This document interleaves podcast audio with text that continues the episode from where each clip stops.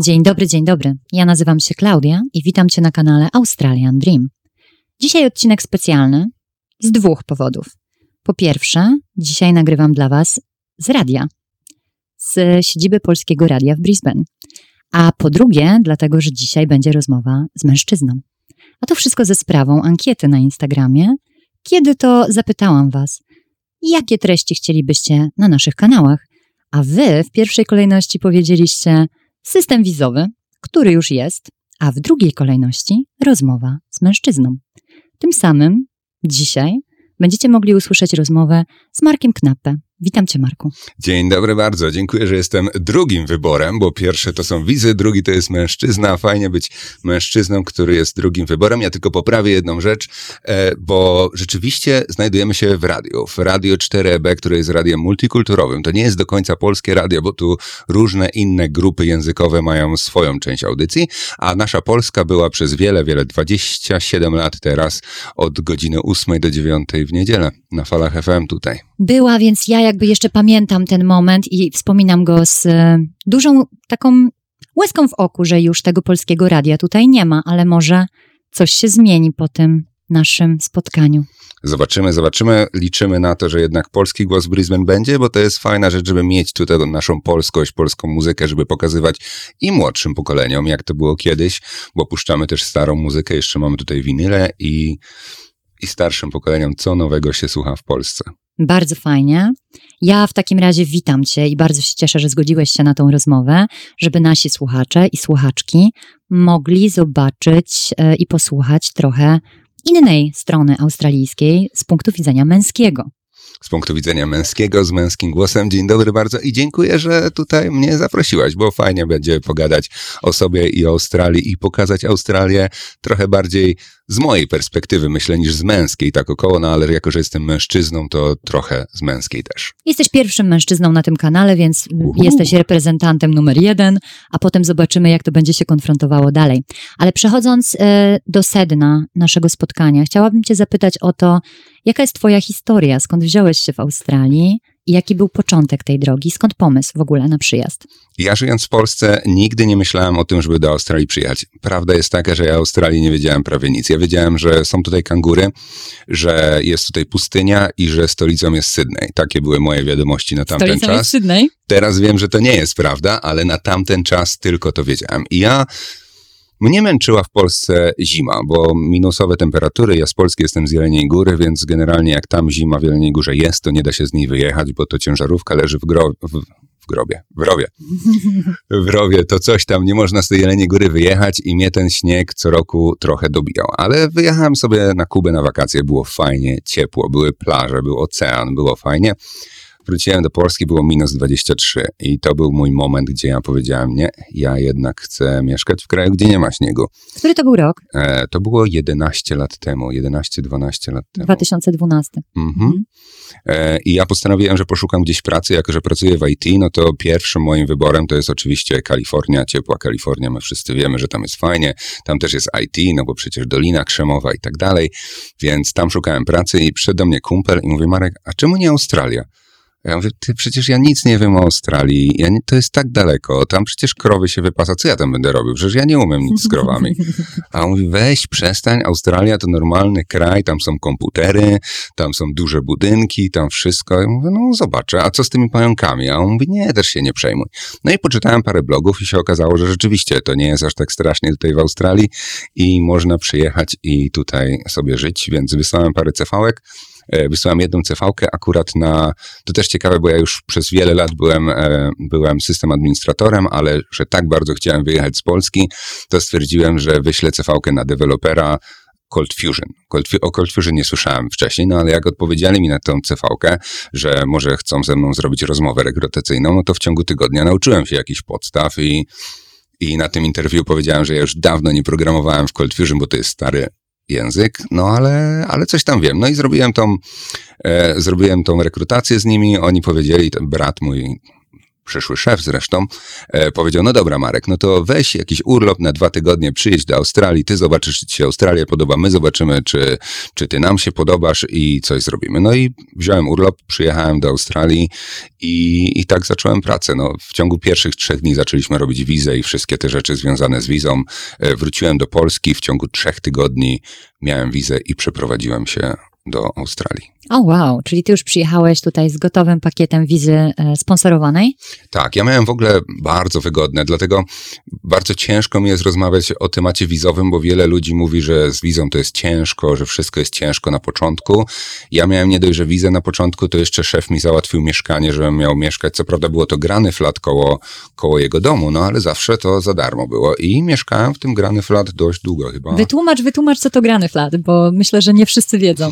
Grany- Albo nikt. Grany flat to takie malutkie mieszkanko, zazwyczaj kawalerka zaraz obok domu, które jest budowane. Wydaje mi się, nigdy nie czytałem o historii tego słowa, ale tak jak ja to rozumiem, to jak nasi dziadkowie dorastają i są już starzy, to wyganiamy ich do grany flata, sami O mieszkamy Boże. w dużym, w dużym mieszkaniu, dlatego też się to tak nazywa, ale rzeczywiście ten dom akurat był budowany z takiego jakby garażu, gdzie mój szef zbudował ten e, właśnie grany flat najpierw, a potem zaczął budować du- duży dom i po prostu mieszkał sobie w tym grany flat, a jak zbudował duży, to się przeprowadził do dużego i ten miał pusty, więc powiedział Marek, możesz mieszkać dopóki nie znajdziesz mieszkania, a potem się okazało, że mogłem dużo dłużej mieszkać, więc mówię, dwa, trzy lata tam byłem. Wow, super. A ty przyjechałeś tutaj sam?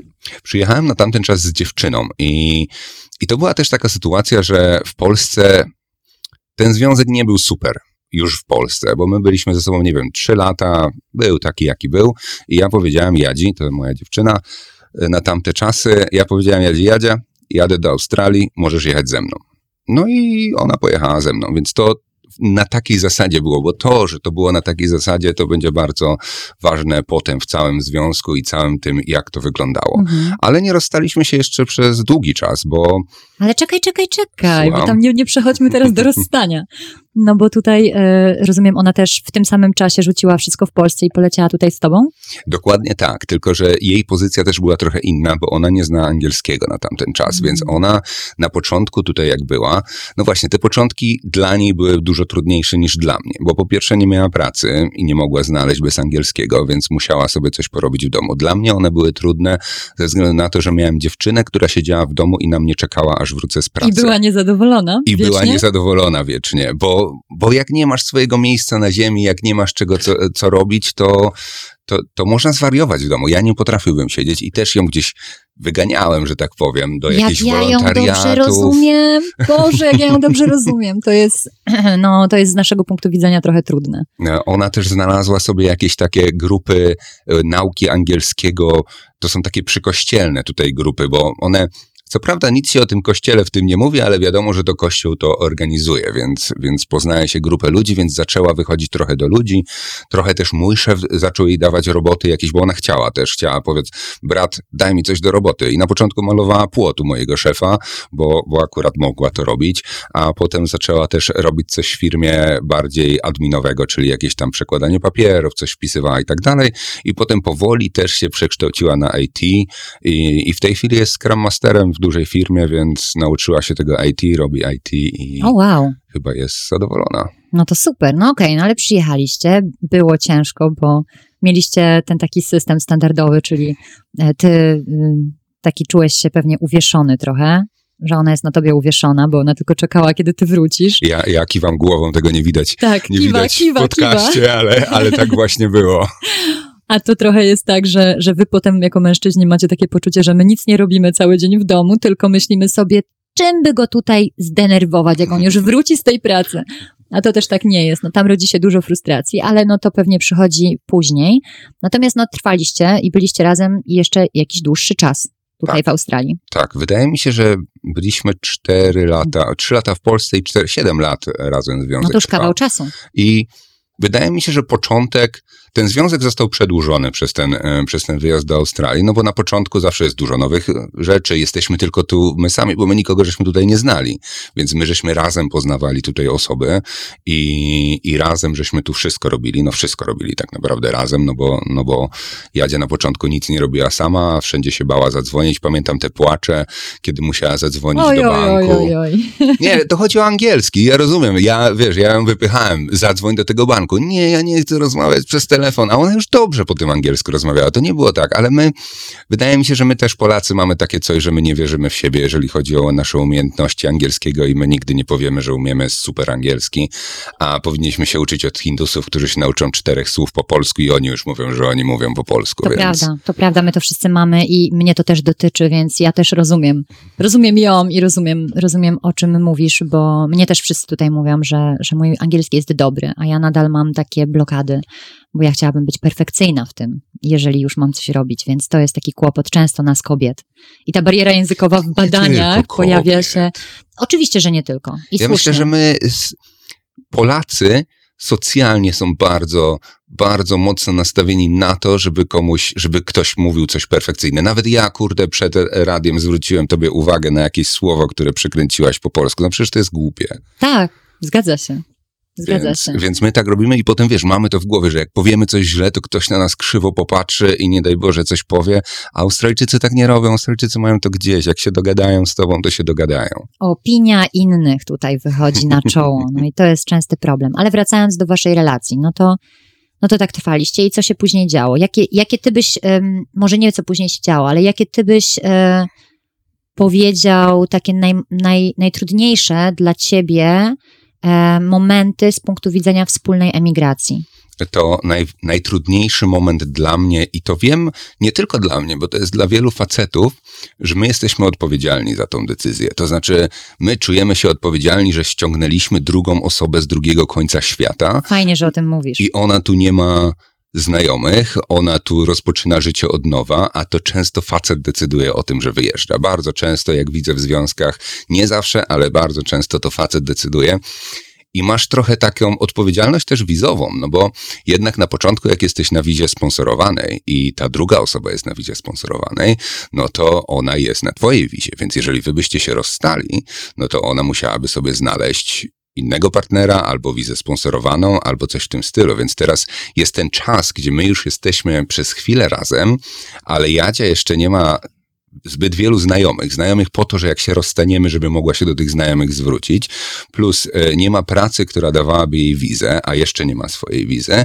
I nie do końca jest fair się w takim momencie rozstawać. I też dlatego ten związek był trochę przedłużony, bo ja trochę czek- My byliśmy przyjaciółmi. Byli, to nie było tak, że my mie- mieliśmy jakieś burzliwe życie, jeżeli chodzi o kłócenie się i tak dalej. My po prostu byliśmy przyjaciółmi, którzy mieszkali w jednym domu, mieli wspólną lodówkę, wspólnie gotowali i czasem wspólnie robili jakieś rzeczy, czy wyjeżdżali na wakacje. I, i to było to. Nawet. E, no właśnie nie wiem, czy o takich rzeczach można mówić w podcaście. O każdych można Ale mówić. nawet, nawet generalnie tego seksu za dużo nie było, który jest ważny w związku bardzo. E, O, ja nie wiem, czy ona będzie zadowolona, że ty wyciągasz takie rzeczy. No nie wiem, wyślę jej podcast, oka, okaże się, okaże się.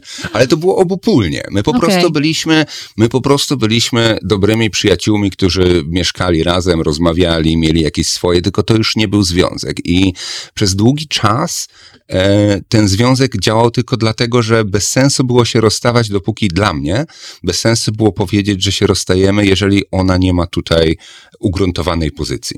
I jak to już nastało, czyli ona dostała permanent rezydenta po tych czterech latach, żeśmy dostali permanent rezydenta trzy i pół, czy jakoś tak, ona już też miała więcej znajomych i tak dalej, to wtedy akurat pamiętam, e, moment rozstania był śmieszny, nie wiem, czy już możemy dojść do rozstania, Możemy, tak. ale moment rozstania był śmieszny, bo pojechaliśmy ze znajomymi do Cairns na y, nurkować czy coś robić na dwa tygodnie i w połowie tego, w połowie tego, e, tego wyjazdu leżymy sobie wieczorem w łóżku i ja mówię, Jadzia, wiesz co, nie ma sensu być razem. A ona mówi, no to prawda.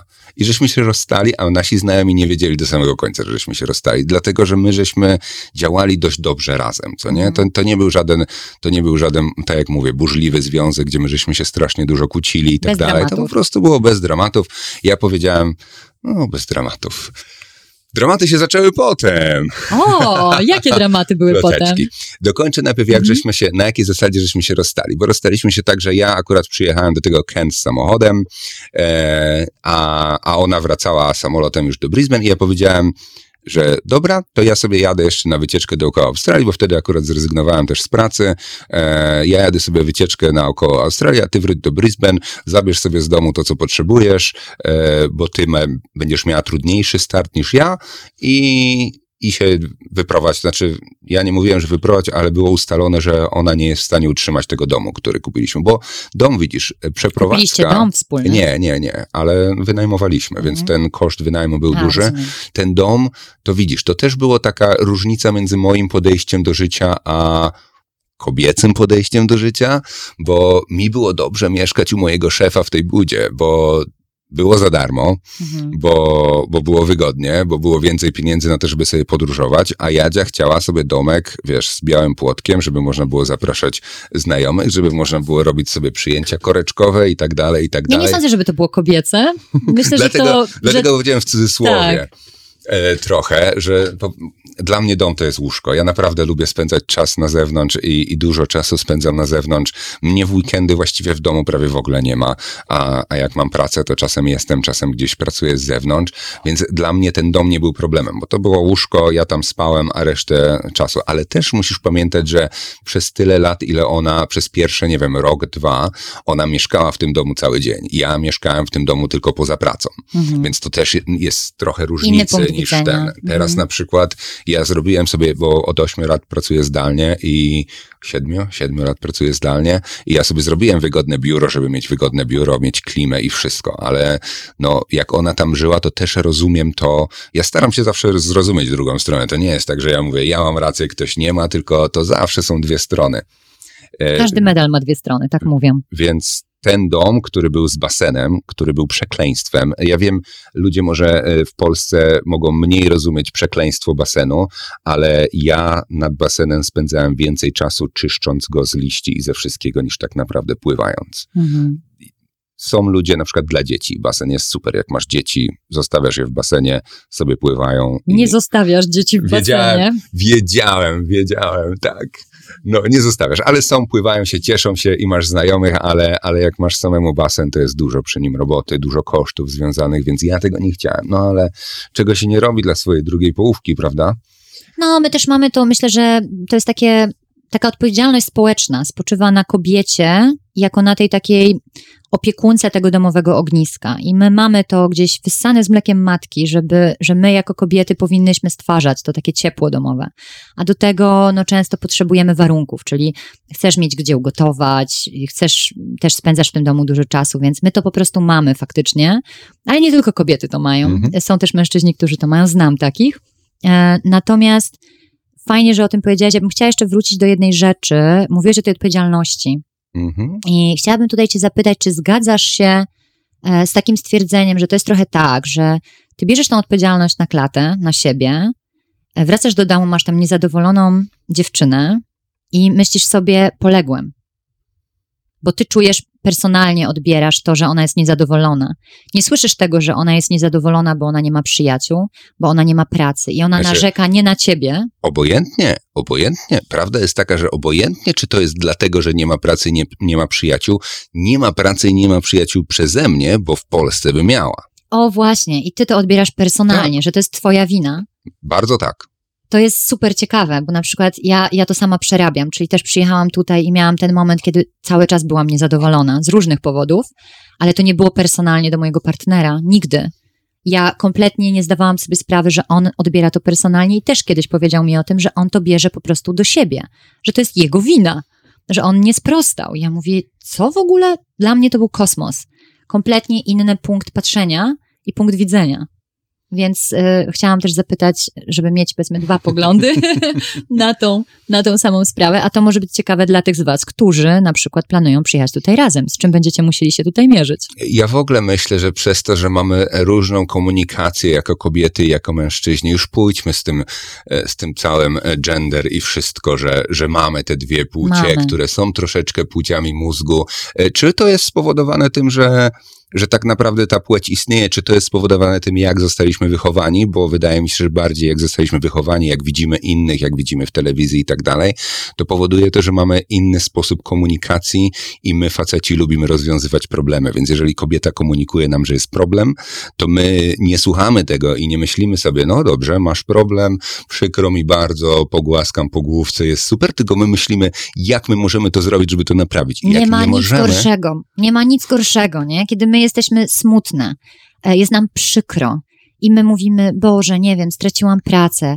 a wy zaczynacie robić to. Dobra, to wiesz, no to trzeba znaleźć, może kogoś popytam. Wy macie milion rozwiązań. My ich nie potrzebujemy w tym danym momencie, tak? My po prostu nie chcemy waszych rozwiązań. My sobie z tym poradzimy. Tylko my potrzebujemy być wtedy przytulony. My potrzebujemy wtedy usłyszeć, o Boże, ale jesteś biedna. No, ale damy radę razem. To, to tak, ale na pewno nie rozwiązania. I to myślę, że wy też tego nie lubicie. I tutaj to, to nie tylko, jak facet ma kłopot i przychodzi do domu i jest na przykład zdruzgotany czymś i on mówi, kurde, jest to, to, tamto i kobieta by mu zaczęła mówić, dobra, wiesz, to ja teraz to zrobię, tamto, możemy tak z tego wyjść, tak, wy też tego nie chcecie. Nikt tego nie potrzebuje w tym danym momencie. To znaczy, tak i nie, bo, bo teraz e, przejdźmy obok tych, e, tych względów między e, kobietą a facetem, ale jeżeli ty zwracasz się do koleżanek, to też potrzebujesz wsparcia jako wsparcia, a nie rozwiązania, a my jak zwracamy się do kolegów, to zazwyczaj robimy brainstorming i myślimy, jak to rozwiązać, więc e, w różnym momencie. Myślę, że Mhm. rzeczywiście masz rację, jeżeli chodzi o ten początek, to ten tylko...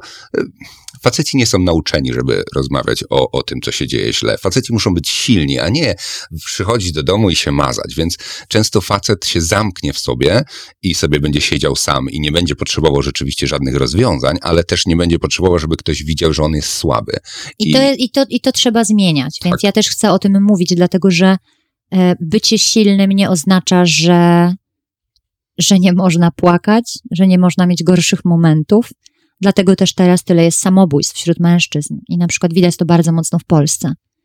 E, I dużo, dużo większy odsetek mężczyzn popełnia samobójstwa niż kobiet, bo my się wygadamy, my to wypłaczemy, wykrzyczymy, a wy się zamykacie. Bo my nie Więc mamy komu. Bo dokładnie. my nie mamy Wy znajomych. My, macie komu. my nie możemy pójść do kolegi i powiedzieć, hej, ale mam problem z czym. Nie, zupełnie nie. My możemy mieć problem z samochodem dla kolegi, ale nie z uczuciami. My nie powinniśmy mieć problemu z uczuciami. Bo tak jesteśmy wychowani i to jest duży kłopot, że chłopak ma nie płakać, a dziewczynka ma być, ma mieć nóżki No, razem. chłopaki nie płaczą, nie? No, to się zmienia na szczęście. Teraz już się to zmienia. Ja bardzo bym chciała pracować też nad tym, żeby uświadamiać, e, a że też słu- słucha nas 30% facetów, to słuchajcie, możecie być e, wcale inaczej. Wcale nie znaczy, że nie jesteście silni, kiedy czasem jesteście słabi. E, I nikt tego nie oczekuje. Nikt nie może być silny cały czas, taka jest prawda. O, I, właśnie, fajnie, że o tym mówisz. I, I nie można, i trzeba się z tym liczyć. I, I niestety uważam, że faceci za mało sobie pomagają, jeżeli chodzi o rozmowę, jeżeli chodzi o analizowanie jakichś sytuacji też w związku i tak dalej, jeżeli chodzi właśnie o taki e, mental health po polsku. Mhm, takie zdrowie psychiczne. Zdrowie psychiczne facetów jest to temat tra- traktowany bardzo po macoszemu, dlatego że my o tym nie gadamy, więc tego nie ma, prawda? A to wcale nie jest prawda i fajnie, że zwróciłaś uwagę na ilość samobójstw wśród mężczyzn, bo rzeczywiście wynika to też z tego, nie tylko, ale też z tego, więc fajnie. Cieszę się. Ja też się Mówmy cieszę. o tym. Oczywiście mówmy o tym, bo, bo ta siła wcale, wcale nie oznacza, że trzeba być zamkniętym, nie mówić i, i wszystko załatwiać samemu. To wcale nie znaczy bycie silnym. Często bycie silnym to też przyznanie się do tego, że jest problem. I Zgadzam myślę, że to jest dużo większa Mhm. siła, żeby o tym móc powiedzieć. A wracając do komunikacji, którą poruszyłeś, bo ja uwielbiam, zwłaszcza ostatnio doktoryzuję się nad tą komunikacją i nad różnicami w komunikacji między kobietą a mężczyzną, to co jeszcze takiego w tej komunikacji zwróciło Twoją uwagę pod kątem tej emigracji?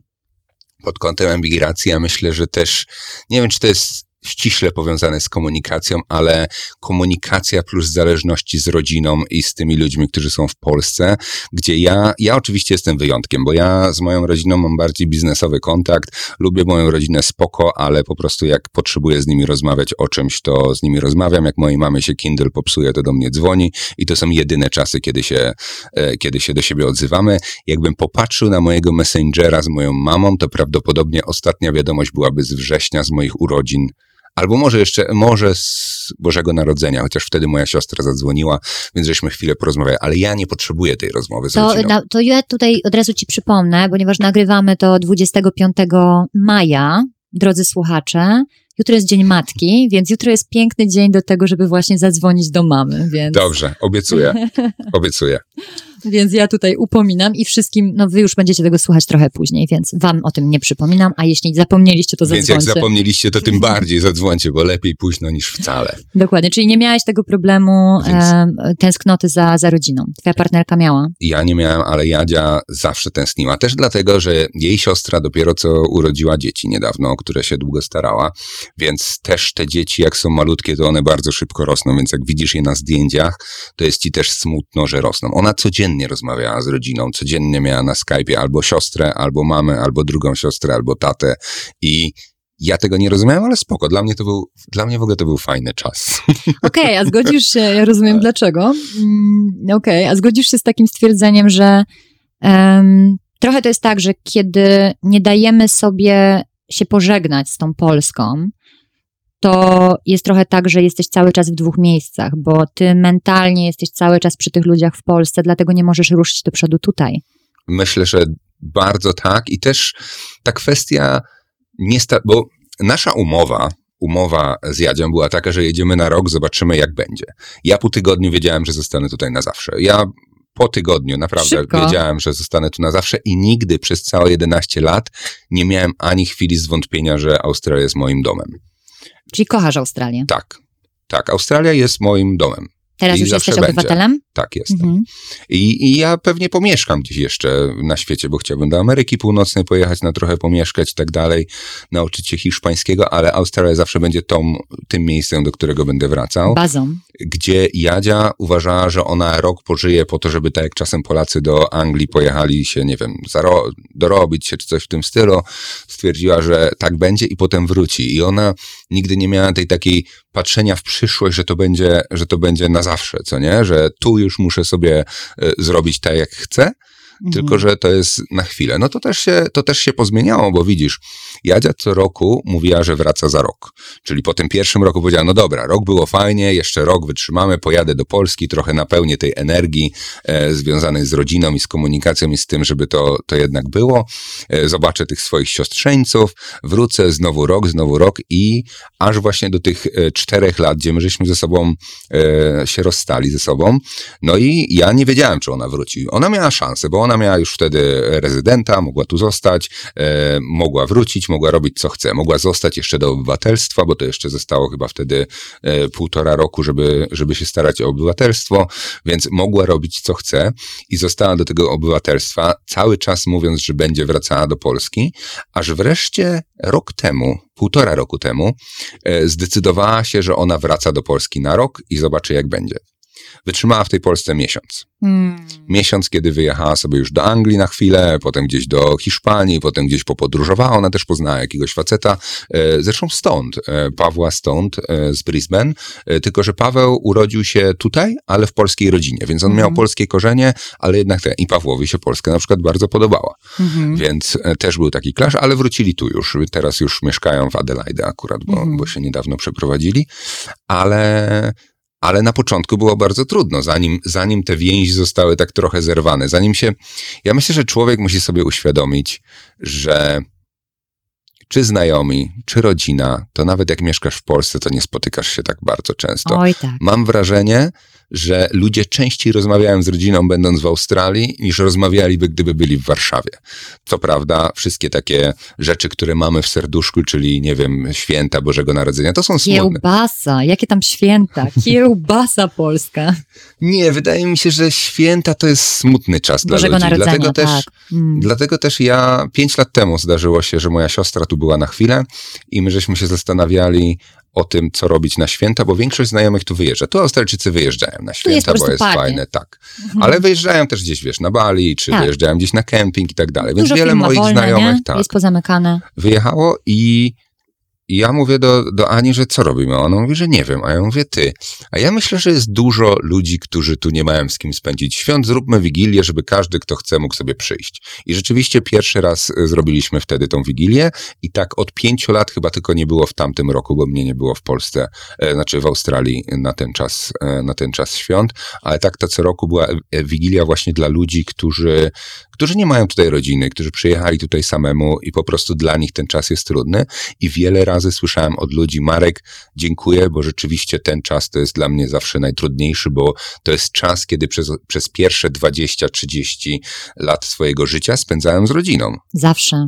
No. I, I to jest czas, gdzie ty widzisz te wszystkie zdjęcia rodziny, e, że się bawią, że są razem, czasem Skype'a, że są razem, a ty jesteś gdzieś daleko i nie możesz przyjechać na weekend. No i jeszcze ta różnica czasu też determinuje tutaj dużo, że, że ja też byłam tutaj teraz pierwszy raz w święta i my akurat się spotkaliśmy grupą Polaków. Po prostu zrobiliśmy sobie wspólną Mhm. wigilię, ale taką typowo po polsku. I było pięknie. Natomiast później przyszedł wieczór i ja wiedziałam, że oni mają teraz te wszystkie przygotowania. Ja nie mogłam spać, bo mówię, mnie tam nie ma. Oni teraz wszyscy siadają do stołu. Jest to, jest to na pewno trudne. Jest to na pewno trudne, ale trzeba też się z tym po prostu pożegnać. E, Trzeba tutaj tworzyć nowe życie, bo bez tego ani rusz i, i będąc w dwóch miejscach na raz, nigdzie nie będzie dobrze. Prawda. I też, wiesz, znajomi, ty masz wrażenie, że jak pojedziesz na dwa tygodnie, e, na dwa tygodnie do Polski, to wszyscy znajomi będą mieli czas i to wcale nie jest prawda, ale nawet jak znajdą ten czas w te dwa tygodnie, żeby się z tobą spotkać, to jakbyś była cały rok, to tyle czasu by dla ciebie nie, nie mieli, więc też trzeba mieć innych znajomych, trzeba umieć się też zająć sobą, więc to są takie kroki, które i tak trzeba wykonać i tak. To nie jest to, Prawda. że, że to Mhm. jest dla emigranta. Ja uważam, że trzeba być szczęśliwym samemu i trzeba też umieć się cieszyć z ludźmi i z tego, co teraz się ma, a nie patrzeć na to, jak mogłoby być inaczej, bo często okazuje się, że to, jak my myślimy, jak mogłoby być inaczej, to wcale nie jest bliskie temu, jakby naprawdę było. No też myślę, że dużo osób tutaj zwraca uwagę na to, że mamy takie wrażenie, będąc w Australii, że tam się świat zatrzymał. I my przyjeżdżając po roku, po dwóch, po trzech, oczekujemy, że zostaniemy to, co tam zostawiliśmy. Po czym przyjeżdżamy i okazuje się, że tak nie jest. I to jest takie duże uderzenie e, dla tych osób, zwłaszcza które nie były kilka lat na przykład, bo tam się tyle pozmieniało. Masz przyjaciół, ale jednak przyjeżdżasz i ty widzisz, że ich życie poszło naprzód. Albo, Em, albo że twoje życie poszło naprzód, albo Też. że wasze drogi się rozeszły. Bo no bo to my się cały czas często, zmieniamy, tak? I, i, dokładnie ta, tak. I zwłaszcza tutaj, zwłaszcza tutaj, jak jesteś. A jakie ty byś mógł powiedzieć takie zmiany, jeżeli chodzi o ciebie, przez ten wyjazd do Australii? O, to jest bardzo piękna historia, bo ja w Polsce e, byłem, pracowałem w IT. Moim marzeniem to było to, żeby zostać CEO wielkiej firmy, zarabiać 50 milionów miesięcznie, mieć wielki dom, sprzątaczkę. Chciałem mieć 12 pokoi. Wyobrażasz sobie to? Ja nie wiem, Po po co co? mi te pokoje. Nie mam zielonego pojęcia, ale wtedy stwierdziłem, że to jest tak, wiesz, też mamy ten trochę A mówiłeś, że tylko łóżko. No właśnie, no właśnie. I to się zmieniło. Mhm. Ja chciałem naprawdę tam, jak byłem w Polsce, to jest takie trochę, że kurde, musimy się pokazać, jaki to, jak nam się nie udało w życiu, jak nam się, sorry, jak nam się bardzo udało w życiu Tak. e, i, i po prostu jak to jest i i my pędzimy tym tempem ze wszystkimi, wszyscy, wiesz, zostałem kierownikami, zostałem coś tam, no trzeba, no. Jak jesteś trzy lata na jednej pozycji i nie jesteś kierownikiem, to coś z tobą jest nie tak chyba. Mhm. No bo jak to nie? No i przyjechałem do Australii, gdzie ludzie mają trochę inne podejście do życia. Ludzie tutaj cenią sobie to, żeby sobie rano pójść posurfować, żeby nie pracować 8 godzin, tylko 7,5 na przykład, albo żeby wykorzystać e, urlop nie na to, żeby pomalować mieszkanie, tylko na to, żeby, żeby gdzieś pojechać i odpocząć. I ja zacząłem to widzieć. Ja mam taką historię z pierwszych lat mojego bycia w Australii. Pojechałem do Cairns, e, siedziałem sobie na plaży i tam było dwóch ludzi, co kajtowali, na kitesurfingu robili. No i tak zaczęliśmy rozmawiać i ja się ich pytam, ej, a co wy w życiu robicie? Bo w Polsce definiowanie ludzi przez to, co robią w życiu jest bardzo popularne. Tak, tutaj, tutaj nie. Więc pytam się, co wy w życiu robicie? A oni tak, no kajtujemy. A ja mówię, no ale jak? Mówię, no normalnie, no kajtujemy. A ja mówię, no ale z czego żyjecie? A Jak nam się pieniądze skończą, to idziemy do baru popracować na 2-3 tygodnie, mamy pieniądze i znowu wracamy na kajta. I Mhm. dla mnie to były największe przegrywy na świecie w tamtym momencie. Ja myślałem Naprawdę? sobie, ja pierniczę, co za ludzie, no kurde, przecież Przecież no nie mają żadnych tych, nie chcą zostać CEO. Zabezpieczenia nie mają, ambicji nie mają. Dokładnie o, tak. tak. Ale teraz to rozumiem. Ja się bardzo zmieniłem. Ja e, przeszedłem tą całą ścieżkę bycia tym liderem, menadżerem, CTO, posiadania telefonu 24 na dobę, jeżdżenia na wakacje z telefonem satelitarnym na wypadek, kiedyby coś się nie zdarzyło w firmie. E, zrobiłem krok w tył, powiedziałem, ja chcę pracować zdalnie, gdzieś indziej, zarabiać mniej, ale, ale mieć życie dla siebie. Pojechałem właśnie wtedy, e, kawałek Australii zwiedziłem, pojechałem na Cape York na samą górę, potem na Uluru, przejechałem przez Simpson Desert, więc trzy miesiące mnie nie było. E, i postanowiłem, że będę pracował mniej, e, będę miał więcej hobby. I teraz to już w ogóle mam za dużo hobby, ale, ale wciąż mam ten czas na to, żeby trochę popracować, nie tak nie chcę się piąć, ja już nie chcę się piąć, ja już nie chcę mieć na przykład własnej firmy. W Polsce posiadanie własnej firmy to jest, wiesz, święty gral wszystkich, bo to jest jedyny, jedyna możliwość, żeby zarobić. I ja się zgadzam. W Australii jest troszeczkę inaczej, bo w Australii nawet kasjerka w sklepie zarabia na tyle dobrze, żeby normalnie żyć. Więc Tak. ona może, ja poznałem e, dziewczynę taką, no dziewczynę, nie wiem, 40 lat, no to taką dziewczynę. Dalej dziewczyna. Tak. y, no nie, bo jakbym powiedział, że poznałem dziewczynę, to brzmiałoby 20, 20, 21 na kasie. Poznałem Szczególnie- 40-letnią dziewczynę. Dobrze. Bardzo dobrze to brzmi. Dobrze, poznałem bardzo y, 40-letnią dziewczynę e, i ona pracuje na kasie i jest dobrze z tym. Ona chce pracować na kasie, ona nie chce, ma wystarczająco pieniędzy, żeby to robić, pracuje na kasie, ma tyle odpowiedzialności odtąd dotąd i ona jest zadowolona. Ja nie chcę być kierowniczką, bo kierowniczka dostaje więcej kasy, ale za to musi więcej robić, a ona woli sobie robić jakieś hobby czy coś w tym stylu, więc Super, super, su, super, że o tym powiedziałeś, bo przepraszam, że ci przerwałam. Chciałeś Spoko. dokończyć tą myśl? nie, nie, nie, nie. E, ja miałam to samo spostrzeżenie ostatnio i nawet szukam dziewczyn, które chciałyby o tym opowiedzieć, bo ja też miałam kierownicze stanowiska w Polsce i marzenia o nie wiadomo czym. Natomiast odkryłam, że jak tutaj idę sprzątać, to moja głowa odpoczywa. Ja nie mam 300 telefonów dziennie, nie mam odpowiedzialności, nic na mnie nie wisi i tutaj masz dużo mniej potrzeb, ja mam takie wrażenie, takich em, materialnych. Bo Dużo dużo, mniej ludzie naokoło, na, bo nikt na to nie zwraca uwagi. to po prostu myślisz o tym, żeby wyjechać w fajne miejsce, zobaczyć fajny widok. Australia jest tak duża, jest tak dużo do zobaczenia, w ogóle świat jest tak duży. Więc trochę, może to też wynika z wieku. Jak myślisz? Z wieku czy z miejsca? z miejsca. Myślę, A że, z wieku nie? myślę, że nie z wieku, a nawet nie z miejsca, tylko z ludzi, którzy są naokoło ciebie. Mm, to ma sens. Myślę, że widzisz to, że da się inaczej, widzisz to, że ludzie tak nie pędzą, widzisz to, że ktoś ci nie wytyka na każdym kroku, że masz rysę na samochodzie i powinieneś to naprawić, bo przecież jak to wygląda, że Albo masz rysę na samochodu. tak, właśnie tak. E, albo mieszkasz w ruderze, bo też e, ludzie uważają, że te domy, w których my mieszkamy tutaj w Queensland, to są rudery najczęściej, więc jak nie masz tego wszystkiego, to przestajesz się tym przejmować.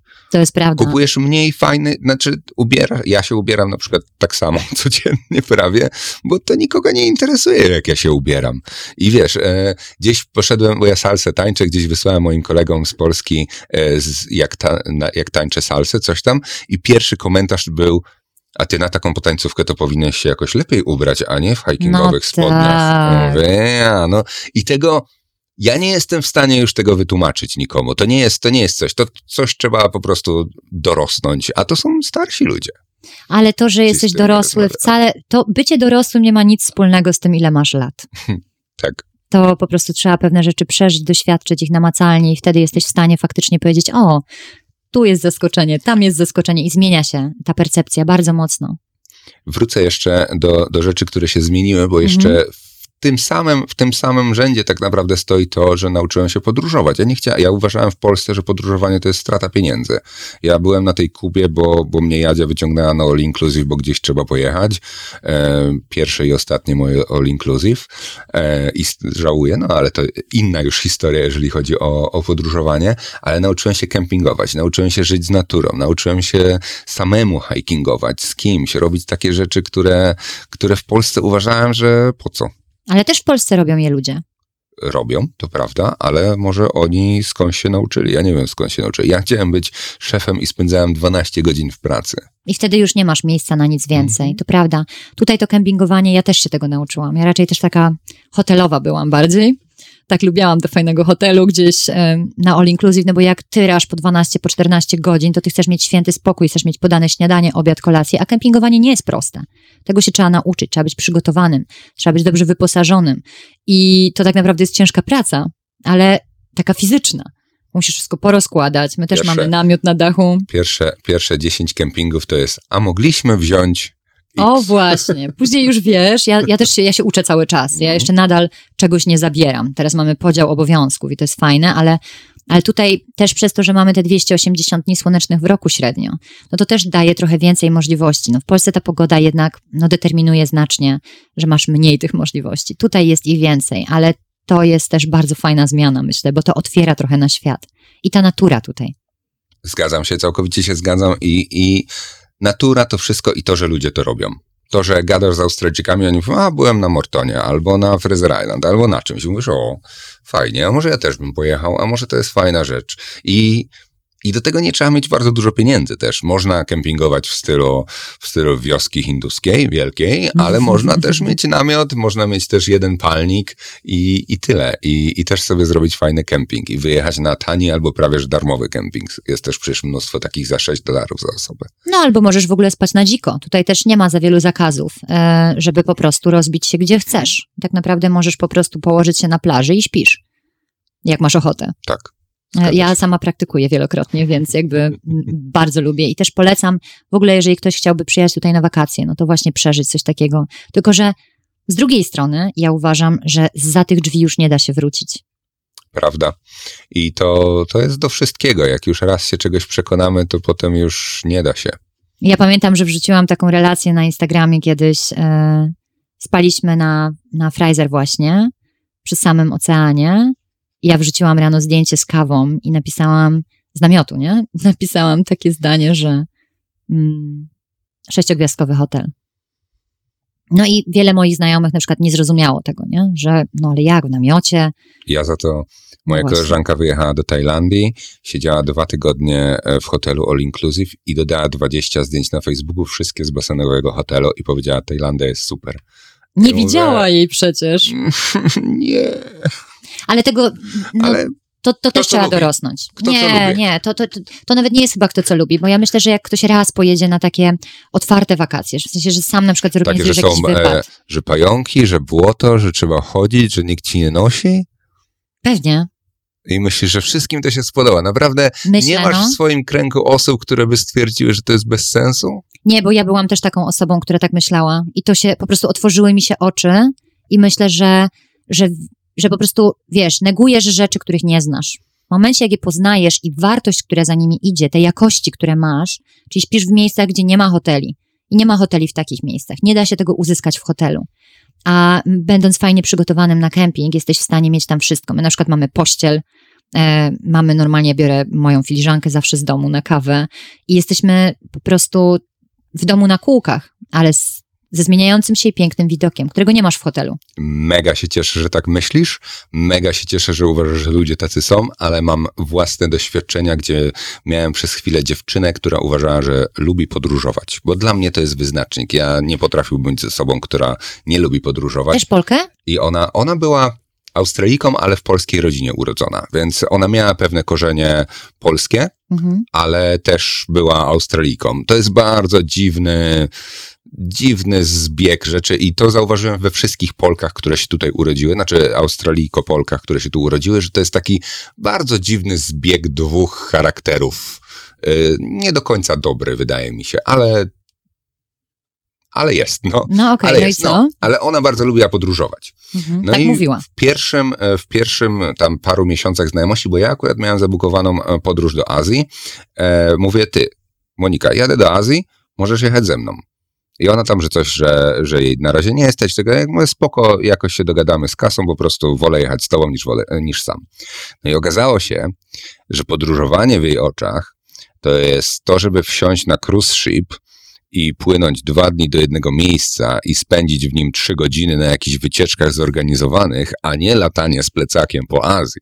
Mhm. Że to są dwie różne rzeczy i nie można się dogadać, i jedzenie jest niedobre, i śmietnika nie ma w hotelu w łazience, i nie ma czegoś, i są komary, i są jakieś te. I to w ogóle nic, i to widzisz, to jest druga rzecz, która ja miałem to bardzo na sobie. To był, to był mój najgorszy związek, bo ja miałem te wszystkie rzeczy, które się wydarzyły w tej podróży, plus potem, na tym, że to jest moja wina.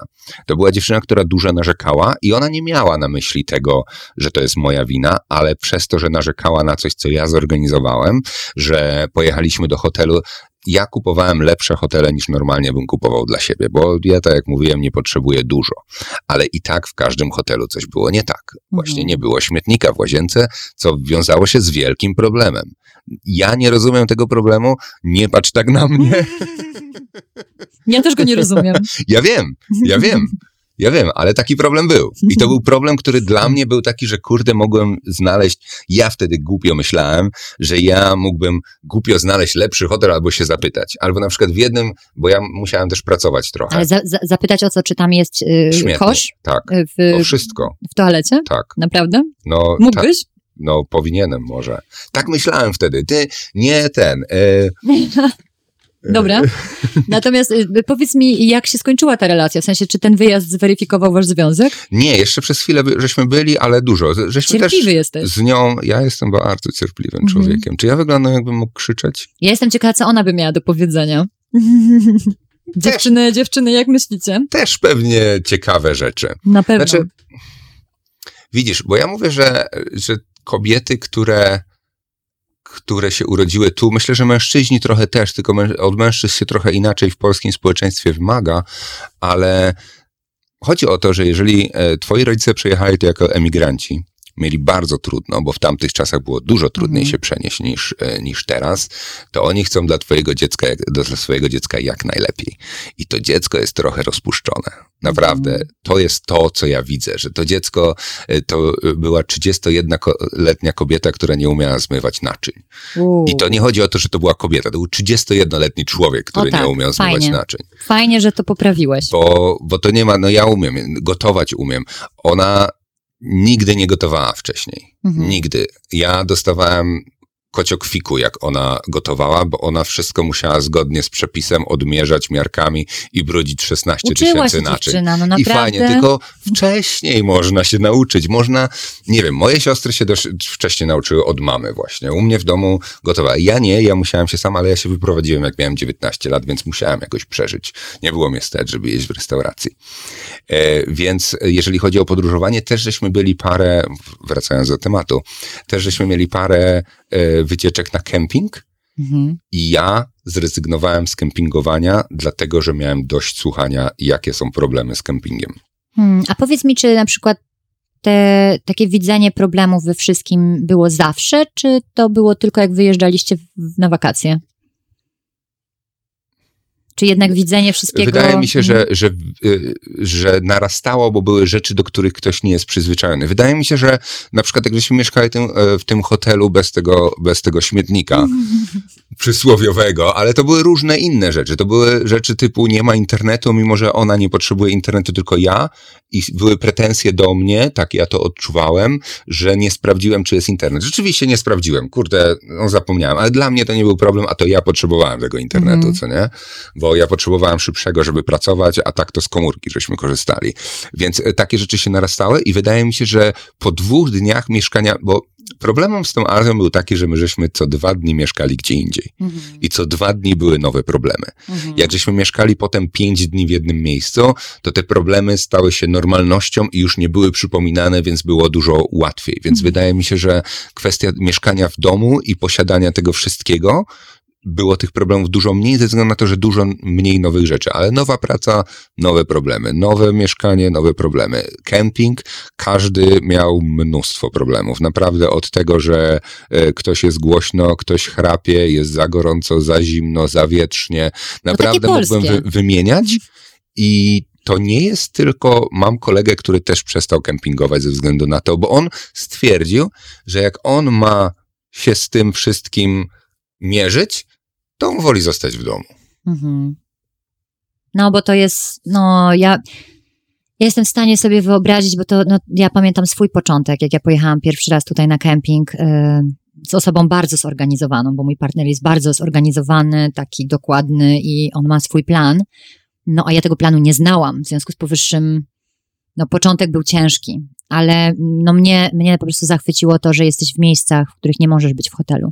I to był taki argument, dla którego warto to wszystko robić. Nawet jak masz składać to codziennie i się przemieszczać, rozkładać to codziennie, nieważne.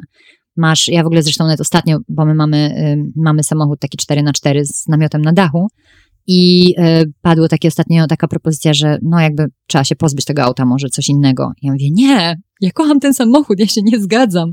Znaczy nie zgadzam, ja nie chcę, bo ja już się teraz nauczyłam funkcjonować. I on więc... pozwala na dojście do miejsc, do których normalnie się nie da. O tak, nim po prostu, ja mówię, dobra, no nawet jakiś van, fajnie, ale nie wjedziemy w takie miejsca, nie, nie będziemy mogli pojeździć po plaży, nie będziemy mogli wjechać na te wszystkie wydmy, nie będziemy mogli zrobić masy rzeczy. E, i, i, I ciągle też toczymy tą dyskusję, no bo byłoby wygodniej, tak? No ale ale trzeba, trzeba też dać dużo z siebie. I mnie też osobiście kempingi y, wykańczają trochę fizycznie, nie? My też robimy jakieś walki, że na przykład śpimy gdzieś tam w buszu. Ostatnio raz, tak pierwszy raz miałam, że spałam na noc, A nie gdzie? na kempingu. W Lamington byliśmy O, i gdzieś tam na trek. szczycie góry spaliśmy. Mhm. No i, i, i jakby y, śmialiśmy się z tego, bo ja byłam przerażona nocą y, w środku lasu, pod namiotem, pająki, węże, wiadomo, e, ciemność. Natomiast ja spałam lepiej niż mój partner, więc jakby on był nawet trochę taki na mnie, mm, no był taki trochę, wiesz, Zazdrosny. no, że ja po prostu, bo ja tak się bałam, a ja po prostu padłam jak, no ale też jak szłam z plecakiem z 10 kilo na plecach i zrobiliśmy w 3 godziny 12 czy 13 kilometrów pod górę, no to później spałam jak dziecko. Mhm. No ale te jakości, które masz, że wstajesz na przykład i jesteś na wschodzie słońca na takiej górze i idziesz i widzisz ten wschód słońca i jesteś już na miejscu, no to po prostu ja uważam, że nie ma nic bardziej cennego, nie? Ale jak, jak ktoś to poczuje i zrobi to dobrze, bo jeszcze przy kempingowaniu trzeba to robić dobrze, bo jeden nieumiejętny kemping może zrujnować komuś życie.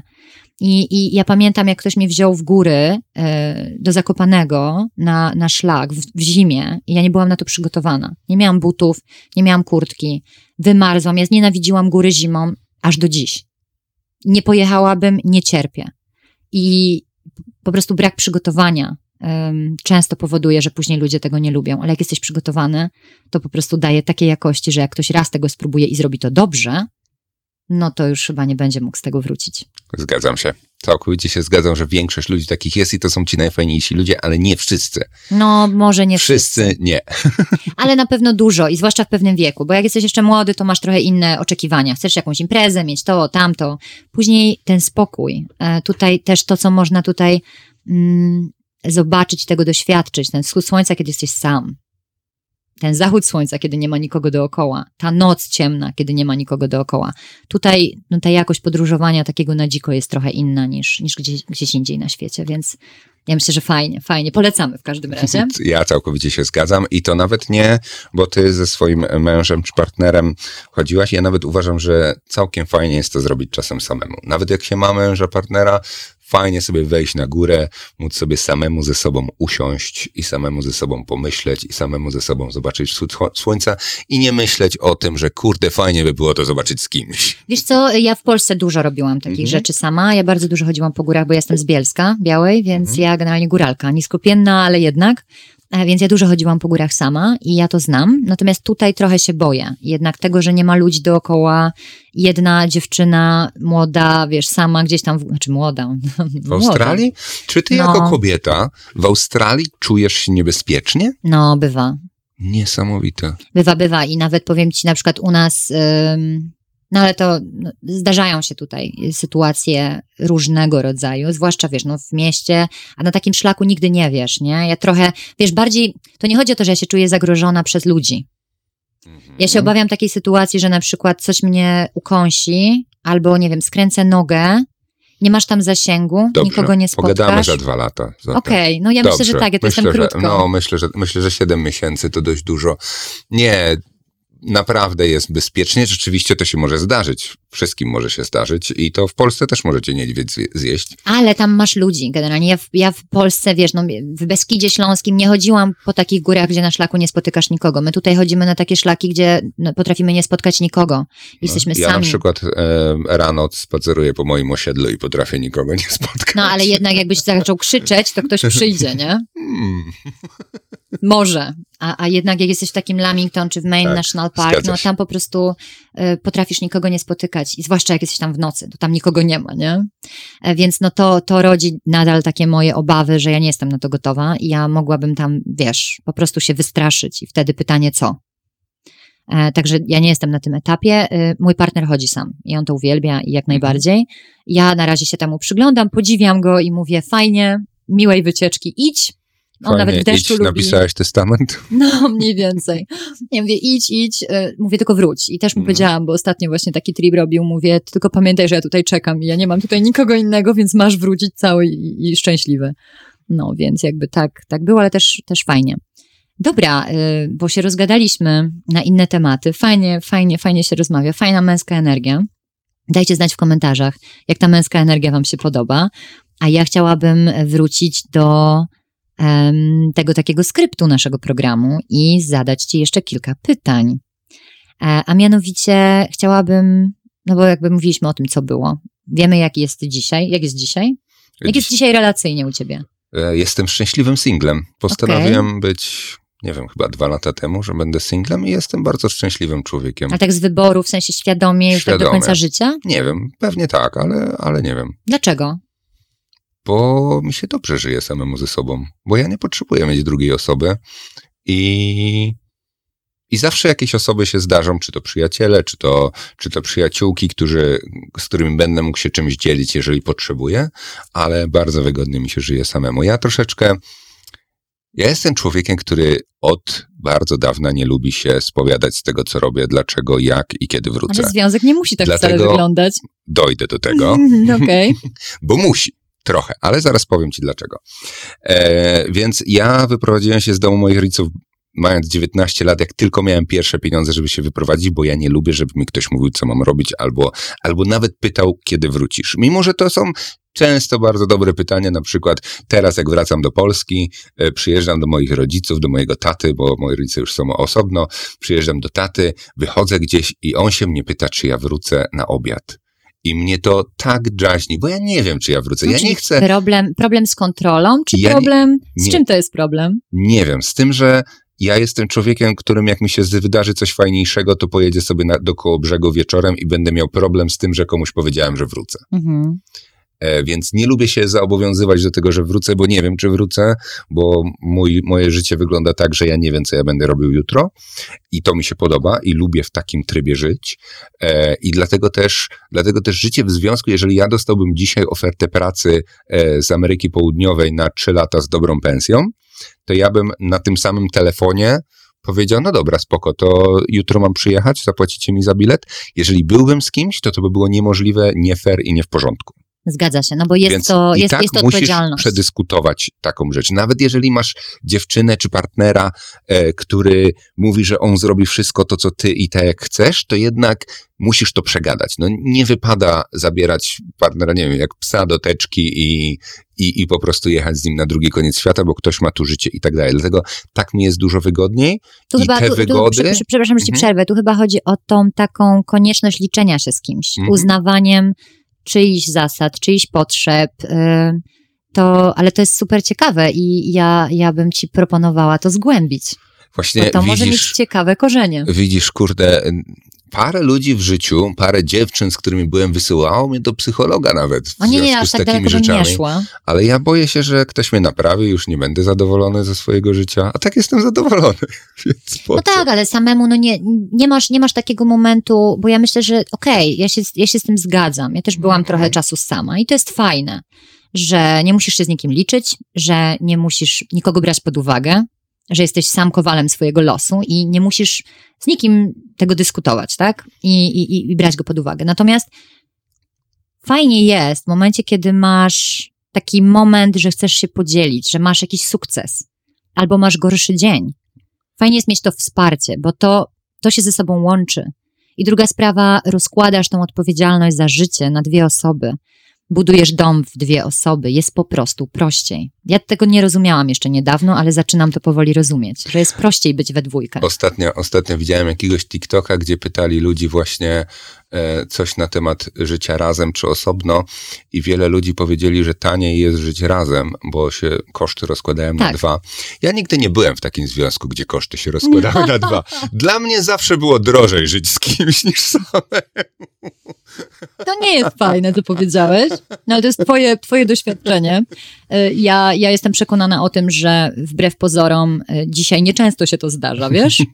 A, Nie, ja po prostu byłem takie, jak, jak może być taniej jak dwie osoby? Przecież kupujesz obiad na dwie osoby, a nie na jedną. Czyli ty ponosiłeś wszystkie te koszty. Ja się nie dziwię, że ty, że ty wolisz już zostać sam, jakby mieć tylko odpowiedzialność za siebie. No ale, no ale nie masz takich momentów, że, że jest to po prostu takie, no, takie smutne, nie? Że jednak nie masz, wiesz, tego takiego ostatecznego momentu, jak naprawdę coś się stanie, że, że, że możesz liczyć na kogoś po prostu. A, a możesz liczyć na drugą osobę, jak naprawdę coś się stanie? Jeżeli masz dobry związek, to tak. Hmm. Jesteś pewien, że wszystko, co by się stało, to możesz liczyć na drugą osobę? Y, Wiesz co, y, no, Czy lepiej y, nauczyć się samemu sobie radzić ze wszystkim, co się stanie? ale fajnie jest to współdzielić. Jest to po prostu, wiesz, Ja rozumiem plusy, ale też jest dużo minusów w związku z tym. I dla mnie, ma. Jest i dualizm. dla mnie, i dla mnie minusy przewyższają plusy. I to jest tylko to, że ja rozumiem to, ja rozumiem to, że jest fajnie, ale teraz widzisz, masz kogoś, z kim lubisz się dzielić, z kim się przyzwyczaiłaś, że się dzielisz jakimiś tam emocjami, czymś, co osiągnąłeś i z jakiegoś powodu nie możesz się czymś podzielić i jest ci gorzej, niż gdybyś wcześniej sobie pomyślała, że nie masz, że musisz samemu sobie to przebywać i samemu się cieszyć. I na przykład jak coś fajnego osiągniesz, to pójść sobie do restauracji i zjeść steka za 150 dolarów. Ja na Ale przykład czasem tak robię. Ja, ja też tak robiłam, bo ja też byłam długo sama w sukcesie zawodowym. Było mi po prostu wygodniej być samej, bo nie musiałam Mhm. brać nikogo pod uwagę, a chciałam pracować po 14 godzin. No i też przez to moje związki padały. Natomiast em, dzisiaj z perspektywy czasu wiem, że ostatecznie praca jest i jej nie ma. I owszem, ludzie też są i ich nie ma, ale chodzi o to, że jeżeli tworzysz fajny, dobry związek, to ta osoba jest. Na dobre i na złe. Ja jestem jeszcze z tego pokolenia, które wierzy Ja tak bardzo, bardzo- mocno. Ja tak bardzo nie wierzę w ludzi, żeby wierzyć, że ktoś ze mną To zawsze będzie na dobre i na złe. Ale to jest, kurczę, no. Ale wiesz, jakie to jest wygodne? Ale to nie o że to się chodzi, na nikim nie zawiodę? wygodnie. Że się na nikim nie zawiodę? Ale bo nikomu nie będę stwierdzał. Ostatnia koleżanka mi powiedziała bardzo mądrą rzecz, która zmieniła trochę moje życie, bo ja się wkurzałem na to, że ktoś jest głupi w pracy. Mm. I ona powiedziała, wiesz co? To ty po prostu załóż, że wszyscy ludzie są głupi i wtedy ci, którzy są mądrzy, cię zaskoczą miło, a ci, Pozytywnie. którzy są głupi, to wiesz, no tak. Dlatego tak samo trochę jest z poleganiem na kimś. Ja myślę, że ty po prostu jeszcze nie spotkałaś tej właściwej osoby i dlatego tak mówisz. Y, I życzę ci, żebyś taką spotkał. Ale wiem, że nie możemy robić zamieszania w życzeniach, bo ty sobie życzysz być samemu, więc, y, więc y, no, ale Nie, nie, no bardzo, bardzo ładnie, bardzo ładnie wychowałaś się patriarchalnie w Polsce, że uważasz, że tylko tak można być Nieprawda. szczęśliwym. Nie, nie, nie, nie, nie. W ogóle absolutnie nie. I powiem ci szczerze, że jak posłuchasz mojego podcastu, bo widzę, że go nie słuchałeś, to, to ja przed decyzją przyjazdu tutaj miałam ten moment, że powiedziałam, ja już nie chcę więcej. Natomiast w momencie, jak spotykasz osobę, która daje ci jakości, daje ci wsparcie, bo ja też tego wcześniej nie doświadczyłam. Ja zawsze musiałam wszystko to dźwigać sama jeszcze za dwie osoby i martwić się o dwie osoby. Natomiast w momencie, jak ktoś ci mówi, ale my teraz już jesteśmy w tym razem i ty faktycznie namacalnie to widzisz, że ty jesteś w tym razem, e, no to mówisz, wow, da się inaczej. No dobrze, to trzeba się będzie spotkać za parę lat i udowodnić albo ty mi, albo ja tobie. E, jak najbardziej. No na pewno ja się też stąd nigdzie nie wybieram, z naszego australijskiego raju, więc będziemy to obserwować. Ale ja, ja na pewno uważam, że właściwa osoba tutaj dużo zmienia. Jak to wszystko jest w odpowiednim miejscu, to te jakości przewyższają te minusy. A też widzę te minusy. To nie jest tak, że, że mam bajkowy związek i go uwielbiam w całości, bo oczywiście ta współzależność, odpowiedzialność, te wszystkie rzeczy, to jest trudne. Natomiast ten trud jest warty w momencie, kiedy to jest osoba, która ci daje jakości odpowiednie. Ja tobie życzę, żebyś taką spotkał. I żebyś mi powiedział za niedługo, a kurczę, jednak widzisz, miałaś rację. Tak może być. Ja, Ja, ja jak to kobieta ja- lubię mieć rację. ja zupełnie jak człowiek. Myślę, że wszyscy lubią mieć rację tak naprawdę, ale kobiety kurde, chciałem powiedzieć, mają ją rzadziej, ale nie chodziło mi o to, że O mają nie. rzadziej, tylko chodziło o to, że rzadziej są na tym etapie, żeby mieć rację, przez to, że przez długi czas e, nie miały swojego zdania w naszych, w naszych socjalnych. Słucham? Przez długi czas w historii kobiety nie mogły mieć własnego O zdania. właśnie, one miały swoje zdanie, ale, Ale nie, nie mogły go wypowiadać. Dokładnie. O, Dobrze, że to teraz, poprawiłeś. Jak wypowiadają, to ten. No, obiecałem, że nie będzie edycji, to niestety moje głupoty. Nie ma edycji. e, Moje głupoty tak będą, więc ktoś może już nie słuchać tego podcastu. Nie, Przepraszam. nie, nie. Właśnie ja myślę, że, że, to, jest, że to ma być właśnie żywa, fajna rozmowa, która, em, która będzie taka, że jakby ktoś mógł poczuć, żeby tutaj, tak, tak jakby siedział tutaj z nami. I, I to nie chodzi o to, żeby było perfekcyjnie. Perfekcjonizm jest, jest przykry. E, zwłaszcza w dzisiejszej dobie AI i tego wszystkiego. My moglibyśmy nagrać ten odcinek w ramach sztucznej inteligencji, napisać go wcześniej i go przeczytać. Pytanie, czy byłoby to interesujące dla kogokolwiek? Nie sądzę.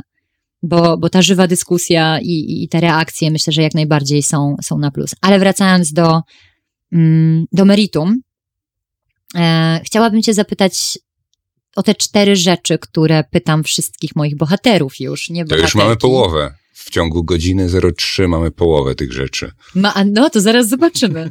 E, Chciałabym Cię zapytać o to, jakie są Twoje plany i marzenia. Już wiem, że to nie jest związek, ale chciałabym wiedzieć takie rzeczy, które wiesz. Już wiesz, że się zadziewają, ale powiedz je głośno, proszę, bo ja do tego wrócę i będę sprawdzać. No, Plany i ma- ja mam tak wiele planów i marzeń i tak wszystko, więc ja jedynie powiem o krótkosiężnych planach, bo ja Mhm. kupiłem sobie trzy lata temu żaglówkę, którą zacząłem remontować. E, Niektórzy uważają, że cztery lata temu, ja uważam, że dwa lata temu, pewnie prawda jest gdzieś po środku. Okej. E, Więc ja chcę ją skończyć w ciągu następnego pół roku, może wcześniej, zobaczymy, bo to jest długi projekt, który Czyli się. jaki, jaki mamy przedłużył. deadline? Do końca roku? No do końca roku mam nadzieję.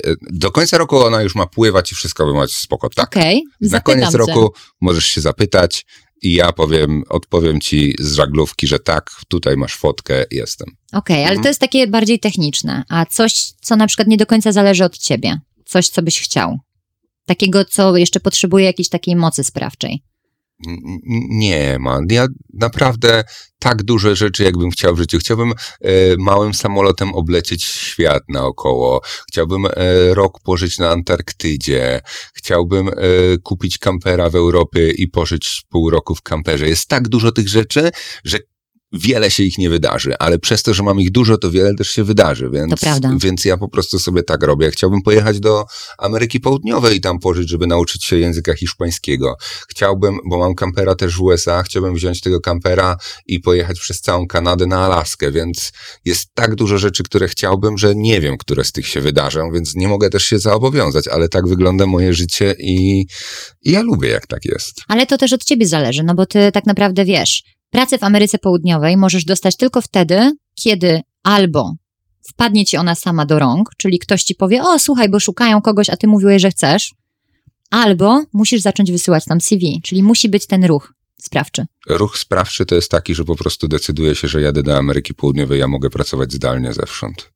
Okej, Więc mogę to postanowić jutro, możesz. ale przez to, że są inne rzeczy, które na razie chcę łódkę skończyć i tak dalej, e, chcę pojechać do Kanady, może będzie wcześniej niż Ameryka, to ja sobie patrzę, co na dany moment najbardziej chcę robić z tych rzeczy, które sobie, z miliona rzeczy, które sobie wymyśliłem. I, i tak to jakoś działa. Fajnie, fajnie, fajnie. Bardzo mi się podoba, bo to są jednak takie plany nastawione na być, a nie mieć. Fajnie. O nie, to z mieć to ja bardzo dawno zrezygnowałem. Jak kupiłem łódkę, to już mieć to już, Już, już nie, masz, więc Mm. okej. To już nie mogę sobie na nic innego pozwolić. Okej, fajnie.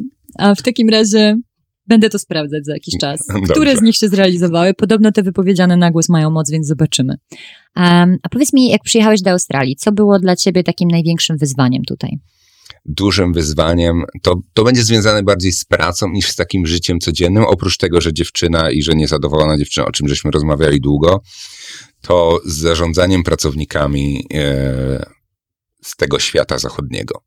U nas się troszeczkę inaczej zarządza pracownikami. U nas jest bardziej, e, bardziej direct sposób komunikacji. My, jeżeli coś W sensie mi się nie podoba, myśli. bezpośredni, Mhm. tak, przepraszam bardzo, że używam angielskich słów, ale czasem nie znam tak szybko odpowiedników. E, więc bardzo bezpośrednio mówimy, co potrzebujemy, czego nie potrzebujemy, co zrobili źle i tak dalej. Tu ludzie tak nie działają. Tutaj ludziom się mówi bardzo naokoło wszystko. Ja pamiętam, jak uczyłem się latać, e, to było pierwsze moje pierwsze moje zetknięcie się z takim e, nauczyciel-uczeń, co nie? Tu w Australii. I na przykład lecimy samolotem i teraz mamy jakąś procedurę i, i mój instruktor się pyta, to teraz według procedury skręcamy w lewo czy w prawo? I ja mówię w prawo. A on mówi, no nie do końca, bo tutaj jest napisane, że w lewo, więc skręcimy w lewo. I ja sobie tak myślę, że że nie, nie do końca. Jesteś głupi, Marek. Powiedziałeś źle i to nie jest nie do końca, ale zauważyłem potem, jak zacząłem e, zarządzać pracownikami, że mówiąc w sposób bezpośredni, oni czują się urażeni. Tutaj jest taka poprawność. Oni Zgadzasz nie się? mogę powiedzieć, tak, bardzo. Ja nie mogę powiedzieć komuś, że coś źle zrobił, tylko muszę powiedzieć, hej, słuchaj, no bo to zrobiłeś tak, w sumie to nie jest źle, bo zrobiłeś, fajnie, że cokolwiek zrobiłeś, ale mój sarkazm polski, ale, ale przydałoby się, żeby to następnym razem było inaczej i może napisz, co by było lepiej, jak tak dalej, ale jesteś mega fajnym pracownikiem i fajnie, bo inaczej oni mnie wyślą do HR-ów, że ja jestem dla nich, że to bullying jest. Mobbing. Mobbing, tak, Tak. w pracy to mobbing. I, I bullying na przykład, jeżeli chodzi o szkoły, też jest na bardzo wysokim, nie wiem, nie jestem psychologiem, nie wiem, czy to dobrze, czy to źle, ale przez to, że w szkole cokolwiek nie powiesz, nawet prawdziwego, konstruktywną krytykę do, do drugiego ucznia, czyli uczeń między uczniem, to może to być bullying. Więc Tak. ludzie nic nie mówią i teraz potem wyrastają e, takie to się pejoratywnie nazywa płatni, płatki śniegu, prawda? Ale to nie Mhm. jest do końca to, ale wyrastają ludzie, którzy nie potrafią zrozumieć, że coś zrobili. Ja lubię od swojego szefa, słuchajcie, akurat szefa mam w UK, więc on jest w miarę bezpośredni i on powie, Marek, spieprzyłeś. A ja mówię, no tak, wiem, ale następnym razem będzie to, to i to. I super jest, wszystko jest super. Ale z Australijczykami i wydaje mi się, że z Amerykanami też tak nie można. Wydaje mi się, że to są takie nacje, które jednak trzeba to owijać w bawełnę i mówić, że coś jest Mhm. tak, że może lepiej, że może coś poprawimy, bo inaczej to... Ja byłem wysyłany w ciągu mojego całego życia w australijskiej pracy trzy razy na kurs komunikacji, żeby do współpracowników nie mówić, że są głupi. No, Przesadzam? tutaj nie Nie można mówię. tego robić. Nie mówię, ale... Ale nieraz powiedziałem, nieraz byłem... Nieraz tylko dwa właśnie, byłem e, e, w HR-ach za to, że powiedziałem, że ktoś coś zrobił źle. Mhm. Po prostu. I to ktoś zrobił źle, rzeczywiście. Powiedziałem, hej, to jest zrobione źle. Pyk. Ja tutaj widzę, jak na przykład dostaję maile, też na przykład byłam w szkole i, i też ktoś pisze mi maila i pisze go tak naokoło, że ty musisz po prostu, i ktoś poświęca na to energię, swój czas, żeby ci napisać po prostu 500 słów, a mógłby napisać jedno zdanie, ale tutaj nie jest to poprawne politycznie. I też trochę rząd to tutaj reguluje. Jest dużo, dużo prawa na ten temat, że ty nie możesz pewnych rzeczy zrobić. Jest bardzo chroniony pracownik. Bardzo dużo mówi się też o tym, mm, co na przykład słyszę od innych Polaków, że bardzo dużo jest szkoleń z własnych granic, ze stawiania tych granic, asertywności. E, Ja nie uważam, żeby to szło w dobrą stronę, bo trochę, trochę zapominamy o tych rolach. No ale to fajnie, że o tym powiedziałeś, bo tego jeszcze tutaj nie było. E, A idąc dalej, zapytałabym Cię o Twoje największe takie pozytywne zaskoczenie tutaj. Powiem, zacznę od tego, co było w Polsce. Ja w Polsce czułem się, ja nie czułem się jak u siebie. Ja naprawdę czułem się dziwakiem w Polsce, bo ja wchodziłem do sklepu, mówiłem dziękuję bardzo, do widzenia, życzę miłego dnia i na mnie patrzyli jak na debila. Naprawdę nie wiem Skąd z Ty czego. jesteś? Z Jeleniej Góry? Tak. Dziwne. W Wydaje, Bielsku tak nie jest. wydaje mi się, co, powiesz komuś dzień dobry, dziękuję, ja nauczyłam, ponieważ mo- moja mama ma sklep spożywczy, który ja z nią w- otwierałam, pomagałam jej i ja nauczyłam tam wszystkich klientów, miłego dnia, dziękuję, do widzenia. Oni do dzisiaj tak mówią. Mama mówi, ty nauczyłaś kultury ludzi. U, No to widzisz. To w Jeleniej Górze, czy nawet we Wrocławiu, który jest dużo dalej posunięty, jeżeli chodzi o takie wolność i tak dalej, e, to ten. Tylko mi się wydaje, że ja się trochę tego nauczyłem na jakichś tam sitcomach amerykańskich, które oglądałem, że tak się robi, że to jest ten i potem wprowadzałem to w życie, a to się okazało, że to nie rezonuje z ludźmi tam, że jak ja e, zagaduję do pani w windzie o pogodzie, to jest takie, wiesz, To jest kurde, abuse. nie dość, że, nie dość, że polski język jest bardzo stawiający mury między sobą, bo Mhm. pan, pani, jak już dochodzi kogoś mówisz na pan, pani, to to taki mur między wami stawia, a jeszcze musisz się zastanowić, czy do szefa, który jest młodszy, a który coś tam musisz pan czy tak. pani. Wszystkie zasady savoir vivre, musisz wiedzieć, kto się z kim wita, kto tak. komu mówi, kto komu Więc nie mówi. Czasem lepiej w ogóle nic nie mówić i stać jako ten szary, e, szary ten. I ja do tej Polski nie pasowałem i za każdym razem, kiedy wyjeżdżałem gdzieś na jakieś biznes tripy do Europy, to wracałem do Polski, widziałem smutne twarze i wiedziałem, że jestem w Polsce i myślałem, że może to nie jest ten kraj, w którym chcę żyć.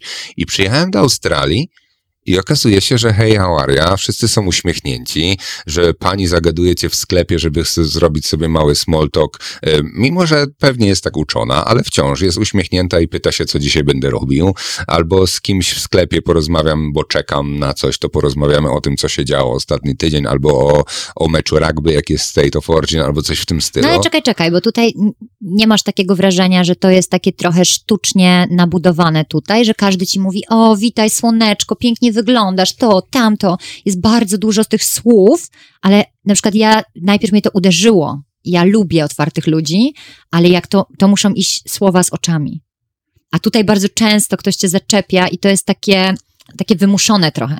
Zupełnie mnie to nie interesuje. Ja nie chcę wychodzić na ulicę i widzieć smutnych ludzi. I czy oni są szczęśliwi szczerze, czy oni udają, ja Ale jestem. To historycznie się bierze, że my w Polsce jesteśmy tacy, no bo trudno takimi nie być. I teraz no. też, no, jest to, jest, jest, jest tego tutaj dużo. I tutaj myślę, że trochę to życie inaczej przebiega. I też pogoda determinuje to, że jesteś bardziej zadowolony. Możesz zupełnie, być. zupełnie tak, tylko to jest ta różnica. I to jest, jest to, co mnie zaskoczyło, mm że tak potrafi być kraj, w którym ludzie są dla siebie mili. I jest pewna część tego, że to jest udawane, ale im dłużej to udajesz, tym bardziej ci to wchodzi i wiele razy to już nie jest udawane. Po prostu jesteś miły dla ludzi i chcesz, żeby ludzie mieli dobrze i, i nie obgadujesz ludzi naokoło i jakoś jest tak milej. Mhm. Gdziekolwiek byś nie była, moim zdaniem, e, w Australii, szczególnie przy obcych ludziach, bo za to w drugą stronę jest tak, że moim zdaniem Polacy mają dużo lepsze przyjaźnie. Mhm. Bo my jesteśmy trochę, właśnie mówisz, historycznie, mhm. historycznie nauczeni tego, że nasi rodzice musieli mieć znajomych, którzy mieli kartki, bo ten miał kartki na to, tamten miał na to i musiałeś mieć przyjaciół, bo wiedziałeś, że jak pójdziesz do więzienia, to ten cię wyciągnie, jak coś tam, to ktoś tam i trzeba było mieć przyjaciół, Zrzeszać. którzy ci mhm. pomogą. A tu w Australii, gdzie, gdzie ten kraj był bogaty prawie od samego początku, tego to nigdy nie nastąpiło i tu przyjaźnie między Australijczykami są dużo mniejsze. Ja uważam, widzisz, jest coś takiego słowa jak friend, które w ogóle nie jest przyjacielem, ale ja uważam, że oni nawet nie mają takich prawdziwych przyjaciół, jakich my możemy nazwać prawdziwymi przyjaciółmi, że poszliby naprawdę coś zrobić. Sam fakt, że na przykład, wiesz, no ludzie spotykają się w parku, nie spotykają się w domu, nie? To jest na przykład coś takiego, czego ja nie mogę tutaj przeskoczyć i ja zapraszam gości do domu, nie? Bo ja lubię polsko, lubię, lubię się nagotować wcześniej, lubię przyszykować i lubię po prostu posiedzieć w domu, a nie w parku. I czasem w parku jest wygodnie, ok? Natomiast y, no tutaj chciałabym to pielęgnować, tą polskość, taką naszą gościnność polską i, i, i żeby, żeby, żeby to zostało na jak, jak najdłużej. A jednak Australijczycy robią to wszystko na zewnątrz. Ja mam takie wrażenie, że te, te relacje są takie na, na płytszym poziomie, one nie wchodzą mhm. głębiej. Tu też dużo ludzi się przeprowadza, często na zasadzie, ok, jestem w Brisbane, za chwilę jestem w Sydney mm, i po prostu nie masz tego, nie masz tego mm, takiego nawyku. Też ludzie wynajmują domy, zmieniają te domy, więc to mm -hmm. sąsiedztwo się tak nie buduje, nie? Jak w tak. Polsce, że ty masz 30 lat, ten sam dom, albo 50, albo masz dom rodzinny do dziadków, gdzie wracasz i dookoła znasz wszystkich na, -hmm. na wiesz, po, po nazwisku. Tutaj tego nie ma, nie? Tutaj nikogo nie interesuje, kto mieszka obok, bo to się zmienia, więc ja myślę, że to też z tego wynika, że te relacje są trochę płytsze. I szkoda. Może trochę szkoda. Ale my możemy w drugą to stronę też się nie zawodzą. Więc też prawda. To jest też plusy i minusy tak jak wszystkiego, ale rzeczywiście tak jest. Rzeczywiście ja uważam, że tak jest. Spotykanie się w domach czy nie w domach i ja uważam, że jak się spotykasz, to, to ty lubisz tą całą otoczkę wcześniej przygotować, ugotować coś tam, coś tam. Rozumiem Australijczyków, którzy po prostu mają to gdzieś i wolą się spotkać w restauracji, gdzie ktoś im ugotuje, a spędzić ten czas na tym, żeby z kimś spędzić ten czas.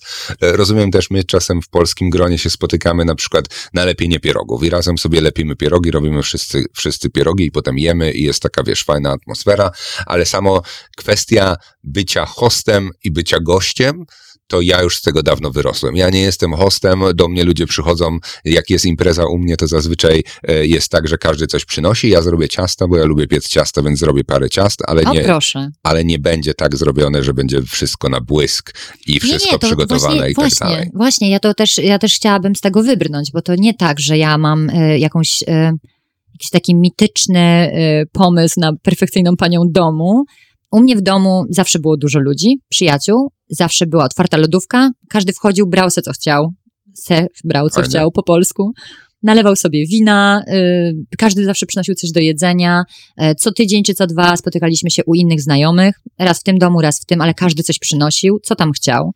E, I dużo luzu w tym wszystkim było. Nie takie patetyczne spotkanie, że ty jesteś e, po prostu urobionym gospodarzem i są goście, którzy sobie siedzą, nie? Ale, ale fajnie jest jednak zachować to takie, wiesz... Rozumiem, ale widzisz, jeżeli znasz Australijczyków, którzy spotykają się w domach, czyli na przykład jak przyjdą zamiast do restauracji do domu, to na imprezie zazwyczaj są chipsy I paluszki. Chipsy, Orzeszki. paluszki i piwo i to jest wszystko, co Mhm. jest. Nikt tam nie gotuje strasznie dużo. Czasem przyniosą coś na grilla, jeżeli się zapowie, że tam będzie grill, żeby zrobić, żeby każdy zrobić, to każdy przyniesie te takie e, parówki, sorry, Tak, kiełbaski, te tak. białe, żeby sobie ten, czy steka i to jest wszystko, co jest. Więc, No, więc a- może spotkanie w parku nie jest tak różne, a spotkanie w restauracji jeszcze ci gwarantuje dobre jedzenie, że ktoś ugotuje, więc może to nie jest tak złe. Ja myślę, że balans. Balans Mhm. jest ważny we wszystkim, trzeba trochę tego, trochę tego, trochę tego. A jeżeli mówimy już o ludziach, to powiedz mi, co ty myślisz o, o Polkach, które tutaj są, jako mężczyzna? Ciężkie pytanie. Ciężkie Mhm. pytanie. Chciałbym bardzo odpowiedzieć na to pytanie, co myślę o Polkach, ale to nie jest tak. Tu, tu jest, to jest jedna rzecz, którą powiedziałeś, że Australijczycy często się przeprowadzają, ale też ludzie tutaj przyjeżdżają na chwilę, jadą, gdzieś są na working holiday, więc to muszą wracać i tak dalej, i tak dalej. Więc takich Polek znam dużo, a jak nie, to znam w związkach Polki, które też są bardzo fajne. Nie wiem, w ogóle uważam, że ludzie, już nawet nie mówiąc o, po, ja wiem, że ja wiem, że to jest podcast kobiecy, powinniśmy mówić jak najwięcej o kobietach, ale ja uważam, że Polacy, którzy przyjeżdżają do Australii są naprawdę fajnymi Polakami. Przez to, że jest tu większa bariera wejścia niż Mhm. gdziekolwiek indziej, gdzie na przykład nasłuchasz się bardzo dużo o Polakach w Anglii, nasłuchasz się dużo o Polakach w Chicago, nasłuchasz się w Niemczech i tak dalej, to wydaje mi się, że tu i Polki, i Polacy są bardzo fajnymi ludźmi i mam bardzo dużo fajnych znajomości, jeżeli, jeżeli o to chodzi. I historie stoją za każdą, za każdą z tych osób, bo żeby tutaj być, to musisz dużo rzeczy zrobić. To jest też ciekawe, jak właśnie te imprezy, e, ja bym powiedział, awansują trochę, bo na początku pierwszej imprezy wszyscy gadają o wizach, Mhm. potem następne imprezy o PR-ze i o obywatelstwie, następne imprezy o kupnie domu, jak to kupno domu i tak dalej, a następne to już się dzielą, bo teraz ludzie mają e, Tesla, Thermomixa, dzieci albo kupują dom na inwestycje. To Nie są ten, cztery nie- tematy. Że, żeby była jasność, to nie jest lokowanie produktu, chociaż Tesla mogłabym reklamować w tym podcaście, bardzo chętnie. Tak, ale to są właśnie tematy, które już na poziomie 11 lat bycia w Australii się najczęściej przewijają. Ale myślisz, że tak jest zawsze, że tutaj, że tutaj każdy odnosi sukces? A nie jest trochę tak, że ci, którzy nie odnoszą tutaj sukcesu, to mają tą porażkę i wracają do Polski? Myślę, że w, w Brisbane konkretnie jest bardzo niewiele osób, które, które wracają do Polski. W Brisbane konkretnie wydaje mi się, że jest duża różnica między ludźmi w Sydney i w Melbourne z wielu powodów. Po pierwsze dlatego, że jeżeli ktoś wybiera Sydney, to wybiera je z innych powodów niż Mhm. Brisbane. Brisbane bardzo często wybiera się z powodów natury, kempingów, jest tak wolnego życia, Mhm. Gdzie w Sydney to są jeszcze Polacy, z których Polska do końca nie wyszła Mhm. i lubią to szybkie życie, lubią to, że tam są imprezy i bardzo dużo, na przykład ostatnio koleżanka u mnie, bo jestem na couchsurfingu, więc czasem u mnie ktoś nocuje, więc e, nocowała taka Patrycja, która była najpierw w Sydney i ona w Sydney poznała mnóstwo Polaków, którzy są po 10 e, i więcej lat na wizach studenckich.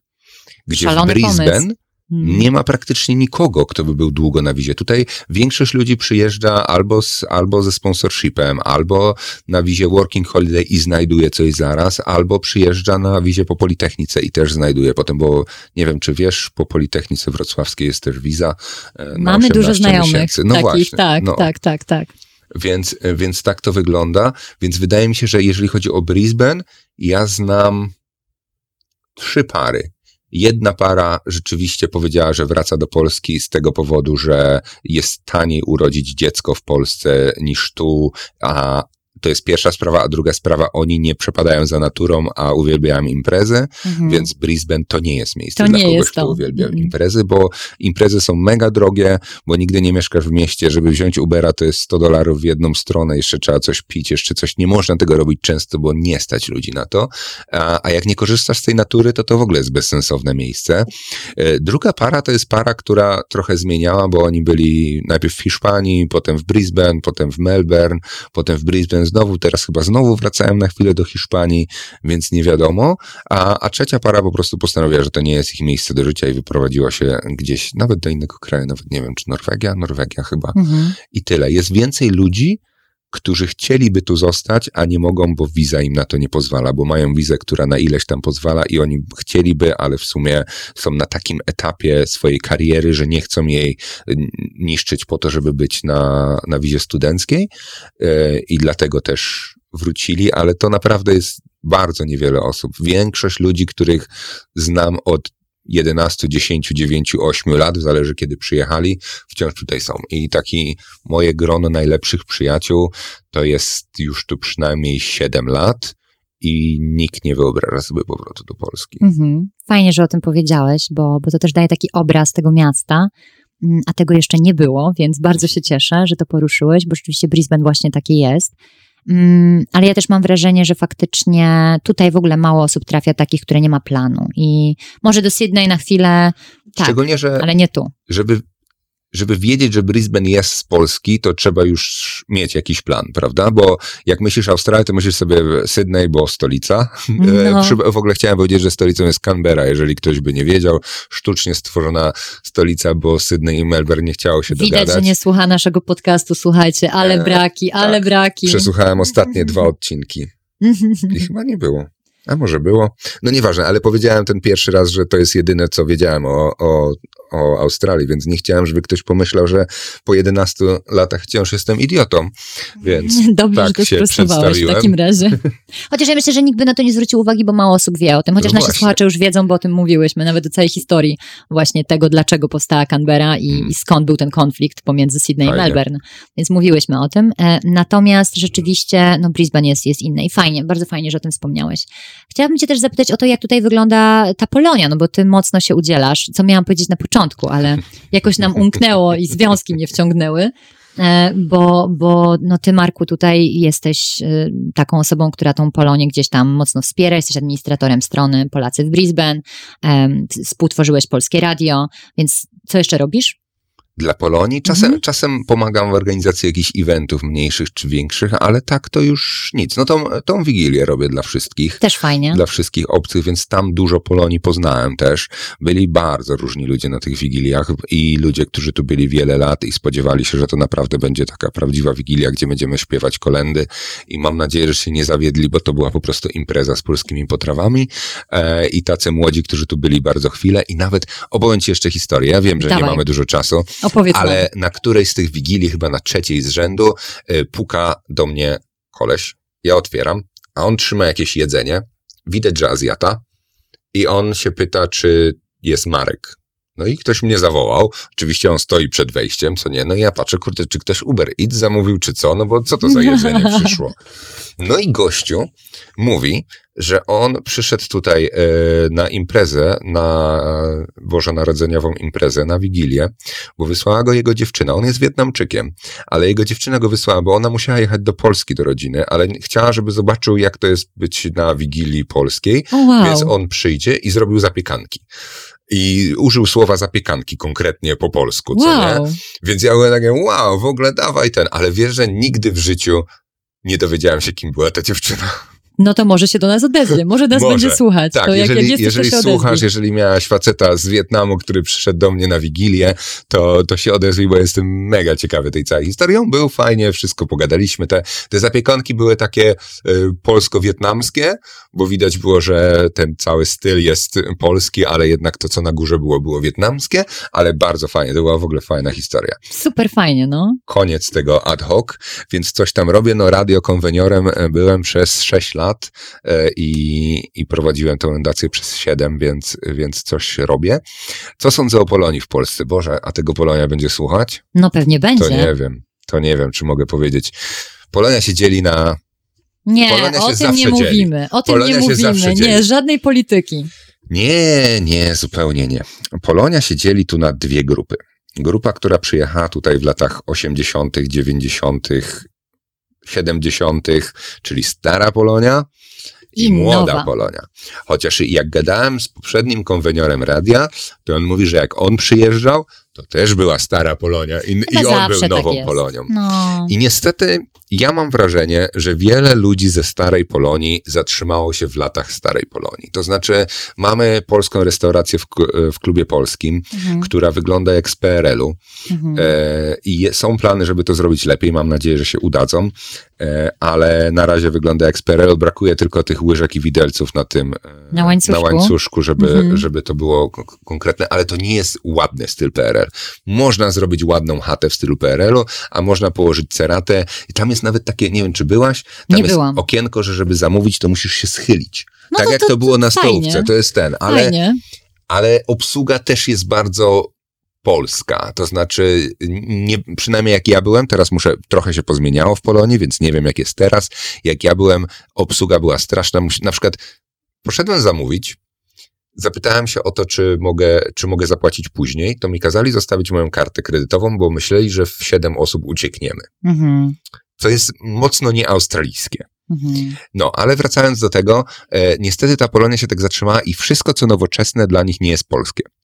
I jest bardzo ciężko przeprowadzić jakieś zmiany, żeby coś zrobić nowoczesnego. No bo jak coś jest nowoczesne, to to już nie jest Polska. Przecież Polska to wygląda zupełnie inaczej dla nich, bo oni pamiętają w serduszku, jak to było za PRL-u, mimo że uciekli z tej Polski z jakiegoś powodu. E, Więc ta Polonia też jest bardzo kłótliwa. Ciągle są jakieś kłótnie. Ja nie wiem, czy ty to obserwujesz. Ja niestety, będąc Ja w radiu, w radiu muszę być po jednej i po drugiej stronie. Jak ktoś, jak ktoś jest szefem polskiego klubu, to zaraz tworzy się grupa ludzi, którzy są przeciwko i chcą go zwalniać i potem zwolnią. Mm. Tworzy się ta grupa, która była, znowu się tworzy jakaś jeszcze inna grupa. Czyli takie E, trochę polskie piekiełko. Wyo- tak, Brisbane? wyobraź sobie, że na jednym z AGM-ów ludzie zaczęli śpiewać rotę, żeby zagłuszyć to, co zostało mówione, więc to jest to, co mówimy o starszej Polonii. Mhm. I to jest jedna część, a druga część to są młodzi Polacy, e, tak do wieku, nie wiem, 45-50 lat. To są młodzi dla mnie. 45 to są młodzi Polacy, którzy tutaj często nie chcą mieć nic wspólnego z Polonią, nie bawią się. O, jeszcze jest trzecia Polonia, o trzeciej zaraz powiem. E, nie bawią się za bardzo na zabawach, czasem się spotykają, mają swoje małe grupki, małe czy większe grupki i sobie coś robią. Fajni ludzie zazwyczaj. Ja jestem tam w paru jakichś takich grupkach, bo, bo, bo lubię, przez to, że się udzielam chyba, tak jak powiedziałaś, e, więc fajnie tych ludzi wszystkich pospotykać. I jest trzecia Polonia w cudzysłowie, bo jest jeszcze Polonia, która e, która jest drugim pokoleniem Polaków. I to jest Polonia, która już mówi bardzo mało po polsku, ale na przykład tańczy polskie, polskie tańce ludowe. Jest, są u nas dwa kluby tańca, jest Wisła i Obertas i Mhm. to są fajne kluby i zazwyczaj w tych klubach tańczą ludzie z drugiego pokolenia. Nie Czyli Polacy, którzy spełniają przyjechali. ambicje rodziców, czy sami chcą? Myślę, że trochę spełniają ambicje rodziców, ale też ten taniec fajny. Ostatnio było właśnie, był właśnie impreza Wisły w klubie polskim i był występ i był bardzo fajny. Naprawdę wreszcie widziałem coś, co jest tańcem, co jest polskie i co jest wesołe. Bo Mhm. my mamy ten taki, że wszystko musi być ton na smutno. polski. Kurde. Jezus się rodzi, jest smutno.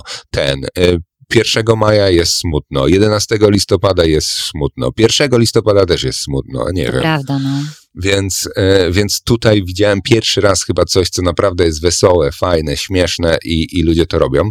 Też jeszcze wtrącę taką krótką historyjkę, że właśnie jak miałem dziewczynę, e, która urodziła się tutaj i ona całe życie chodziła na polskie festyny, na których były występy polskich ludzi, polskich tańców w strojach ludowych i tak dalej. Ona pojechała do Polski i ona była zaskoczona, że ludzie tak tam nie wyglądają. Ona myślała, że tak chodzą. Tak, że to jest Polska, że no przecież muszą tańczyć tak, no przecież to wszystko się tutaj tak pokazuje. I No te, to wiesz, zależy, gdzie ją zabrałeś, bo są pewnie miejsca, gdzie mógłbyś, pokazać jej. no na ulicy nie, no ale, ale to jest tak samo jak wiesz, no w wielu miejscach na świecie mają tradycjonalne takie stroje, w których nie zobaczysz ludzi na ulicy, nie? Zgadza się, zgadza się, Tylko ale no taka, jakieś... taka śmiesznostka, ale ciekawe. ciekawe. ciekawe, że ktoś mógł tak pomyśleć z perspektywy mojej, gdzie ja wiem, gdzie to leży w stosunku, że to już jest w ogóle nie to, ale ludzie właśnie, który, którzy kultywują i to właśnie rodzice takich ludzi, którzy kultywują tą Polskę, która była kiedyś i tak dalej, to myślę, że mogą mieć takie dziwne wrażenie, że to jest polskie, że, Mhm. że Polska to jest 100 lat za, za murzynami i jeszcze pewne rzeczy, tak jak ja o Australii myślałem, to nie jest nic złego, to jest 15 tysięcy kilometrów. Jest daleko i Więc- też mało, mało się mówi, dlatego też powstał ten podcast, Mm. żeby trochę w tej Polsce, tej Australii powiedzieć, może trochę zachęcić. Ja mam wrażenie, że my też czasem zniechęcamy do przyjazdu tutaj, ale różnie, różnie, różnie to jest postrzegane. Mm, dobra, chciałabym w takim razie zadać Ci to ostatnie, najważniejsze pytanie, które ja uwielbiam osobiście, bo to jest kwintesencja wiedzy i doświadczenia moich bohaterów. Em, więc chciałam Cię zapytać o to, co powiedziałbyś sobie, ale młodszemu, z tą wiedzą, którą masz dziś. Myślę, że to cię bardzo zaskoczy, bo ja, jakbym się cofnął w czasie, to bym sobie powiedział, nic sobie bym nie powiedział, powiedział rób, rób tak dalej. Dlaczego bym tak zrobił? Wiele rzeczy w życiu mogę powiedzieć, że mogłem zrobić lepiej w tej chwili, mogłem zrobić inaczej, ale to, co spowodowało, że jestem w tym miejscu, w którym jestem, a jestem szczęśliwy w tym miejscu, w którym jestem, to jest wypadkowa wszystkich zdarzeń, których, które się zdarzyły w przeciągu moich ostatnich 30 lat. Więc jeżeli coś bym zmienił, to mogłoby się okazać, że nie byłbym taki szczęśliwy. Oczywiście, na przykład chciałbym się urodzić, na przykład chciałbym się urodzić w kraju anglojęzycznym od razu, żeby mieć angielski. Ale przez to, że włożyłem tyle pracy, żeby nauczyć się angielskiego, żeby w Polsce się wybić, nie miałem, wiesz, nie miałem bogatych rodziców, e, gdzie tu miałbym bogatych na, na poziom Polski rodziców, bo większość tutaj ludzi jest bogatszych niż w Polsce, bo nawet za najniższą krajową można normalnie sobie żyć, gdzie w Polsce nie do końca, e, to po prostu to nie spowodowałoby, by, że zrobiłbym sobie taki charakter, który pozwolił mi, osiągnąć coś innego. Mógłbym sobie powiedzieć 20 lat temu, hej Marek, pracuj mniej, więcej korzystaj z życia. Ale z drugiej strony, przez to, że zacząłem pracować jak miałem 17 lat w IT, to mam tyle doświadczenia w tej chwili, co mało kto ma i jestem w stanie bardzo dużo rzeczy zrobić, które, o których ludzie nawet nie mają pojęcia, że kiedyś były robione, bo zacząłem, więc ja bym sobie nic nie powiedział. Ja uważam, że jestem w zajebistym momencie swojego życia i że to wszystko, co się wydarzyło, wydarzyło się po coś. No dobrze, ale intencją tego pytania, ja rozumiem o czym, o czym mówisz, trochę efekt motyla, że zmienisz jedną rzecz, zmienia się wszystko inne, natomiast Co miałbym powiedzieć młodej trochę osobie, taka która... Mm. rada to ma być dla kogoś, kto nas będzie słuchał. Ja bym chciała wyciągnąć taką kwintesencję z moich bohaterów, Dobrze. taką mądrość życiową, którą dzisiaj masz, a której kiedyś nie miałeś. Jeżeli czujecie, że chcecie wyjechać, to wyjedźcie. Super. Właśnie, o to chodziło. Jedno Proszę. krótkie zdanie. Dziękuję. E, I myślę, że to jest piękna rada, bo ten strach trzeba wreszcie schować do kieszeni. Strach nie jest dobrym doradcą. Zgadzam się, zgadzam się i, i strach ma wielkie oczy. Kurde, no to nie jest tak, że wyjeżdżacie do jakiegoś kraju, w którym was zjedzą krokodyle, czy węże, czy pająki. Ty, ile ty się nasłuchałaś, ile ja się nasłuchałem o pająkach i wężach i o wszystkim w Australii. No nie ma, no kurde, nie ma. No, nikt mnie nie chciał zabić, nikt nie chciał mi nic zrobić, żyję sobie, jakoś sobie to zaplanowałem. Może być tak, że będziecie biedniejsi, albo biedni nawet przez chwilę. No i to też daje jakieś doświadczenie, ale wyjedźcie, żeby spróbować, żeby nie było czegoś takiego, że będziecie żałować, że tego żeście nie zrobili. To jest pierwsza rzecz, a druga rzecz, każde podróżowanie daje wam bardzo dużo i w życiu biznesowym, bo poznajecie, jak to jest inaczej zrobione, macie bardziej otwarty umysł, poznajecie ludzi, którzy robią coś inaczej, jakoś inaczej, albo robią zupełnie co innego, mają inny vibe. Poznajecie ludzi, którzy chcą być singlami, poznajecie szczęśliwych ludzi, którzy są w małżeństwie. Są tacy, pewnie są gdzieś. Odezwijcie się, jak jesteście, żeby, żeby ten niedowiarek uwierzył, więc dajcie znać, proszę, Więc w komentarzach. Poznajecie, podróże kształcą, wyprowadzka do innego kraju, zawsze można wrócić. Macie polskie obywatelstwo, zawsze można do Polski wrócić, a, a wyje, wyjeżdżając będziecie lepszymi Polakami wracając do Polski, bo już będziecie wiedzieli, jak to jest gdzieś indziej. Myślę, że bardzo fajnie powiedziane i z tą myślą was zostawiam, drodzy słuchacze. Bardzo mi było, Marku, miło. Dziękuję, że się zgodziłeś i że mogliśmy nagrać to e, w takich warunkach studyjnych. Pierwszy raz, więc docencie jakość, słuchacze, docencie, zasubskrybujcie, dajcie jakiegoś lajka i piszcie komentarze, bo dzięki temu wiem, że warto to robić i że ktoś tego słucha. Także bardzo proszę. Bardzo fajnie. Ja Tobie też dziękuję. Dziękuję też ludziom, którzy zagłosowali na to, żeby jednak ten mężczyzna w Twoim podcaście wystąpił. I dziękuję bardzo, że wybrałaś mnie, bo rozmawiało się bardzo fajnie i myślę, że ten, mimo że to jest nasza pierwsza, dłuższa rozmowa, e, to na pewno nie ostatnią, bo jeszcze pewnie na kemping gdzieś razem wyjedziemy. O, na pewno jesteśmy otwarci. My też jakby fajnie, fajnie, nawet mówiliśmy o tym ostatnio, że fajnie by było więcej osób się gdzieś wybrać, więc jak najbardziej. E, Ja bardzo dziękuję. Drodzy słuchacze, dajcie znać w komentarzach, jakie macie może pytania, bo mam tutaj Polaka, który dużo, na wiele pytań na pewno może wam odpowiedzieć, więc wykorzystajcie to. Tak, Do następnego razu. wy, wykorzystajcie Marko. Dziękuję bardzo. Trzymajcie się i miłego tygodnia. Do następnego razu. Hej.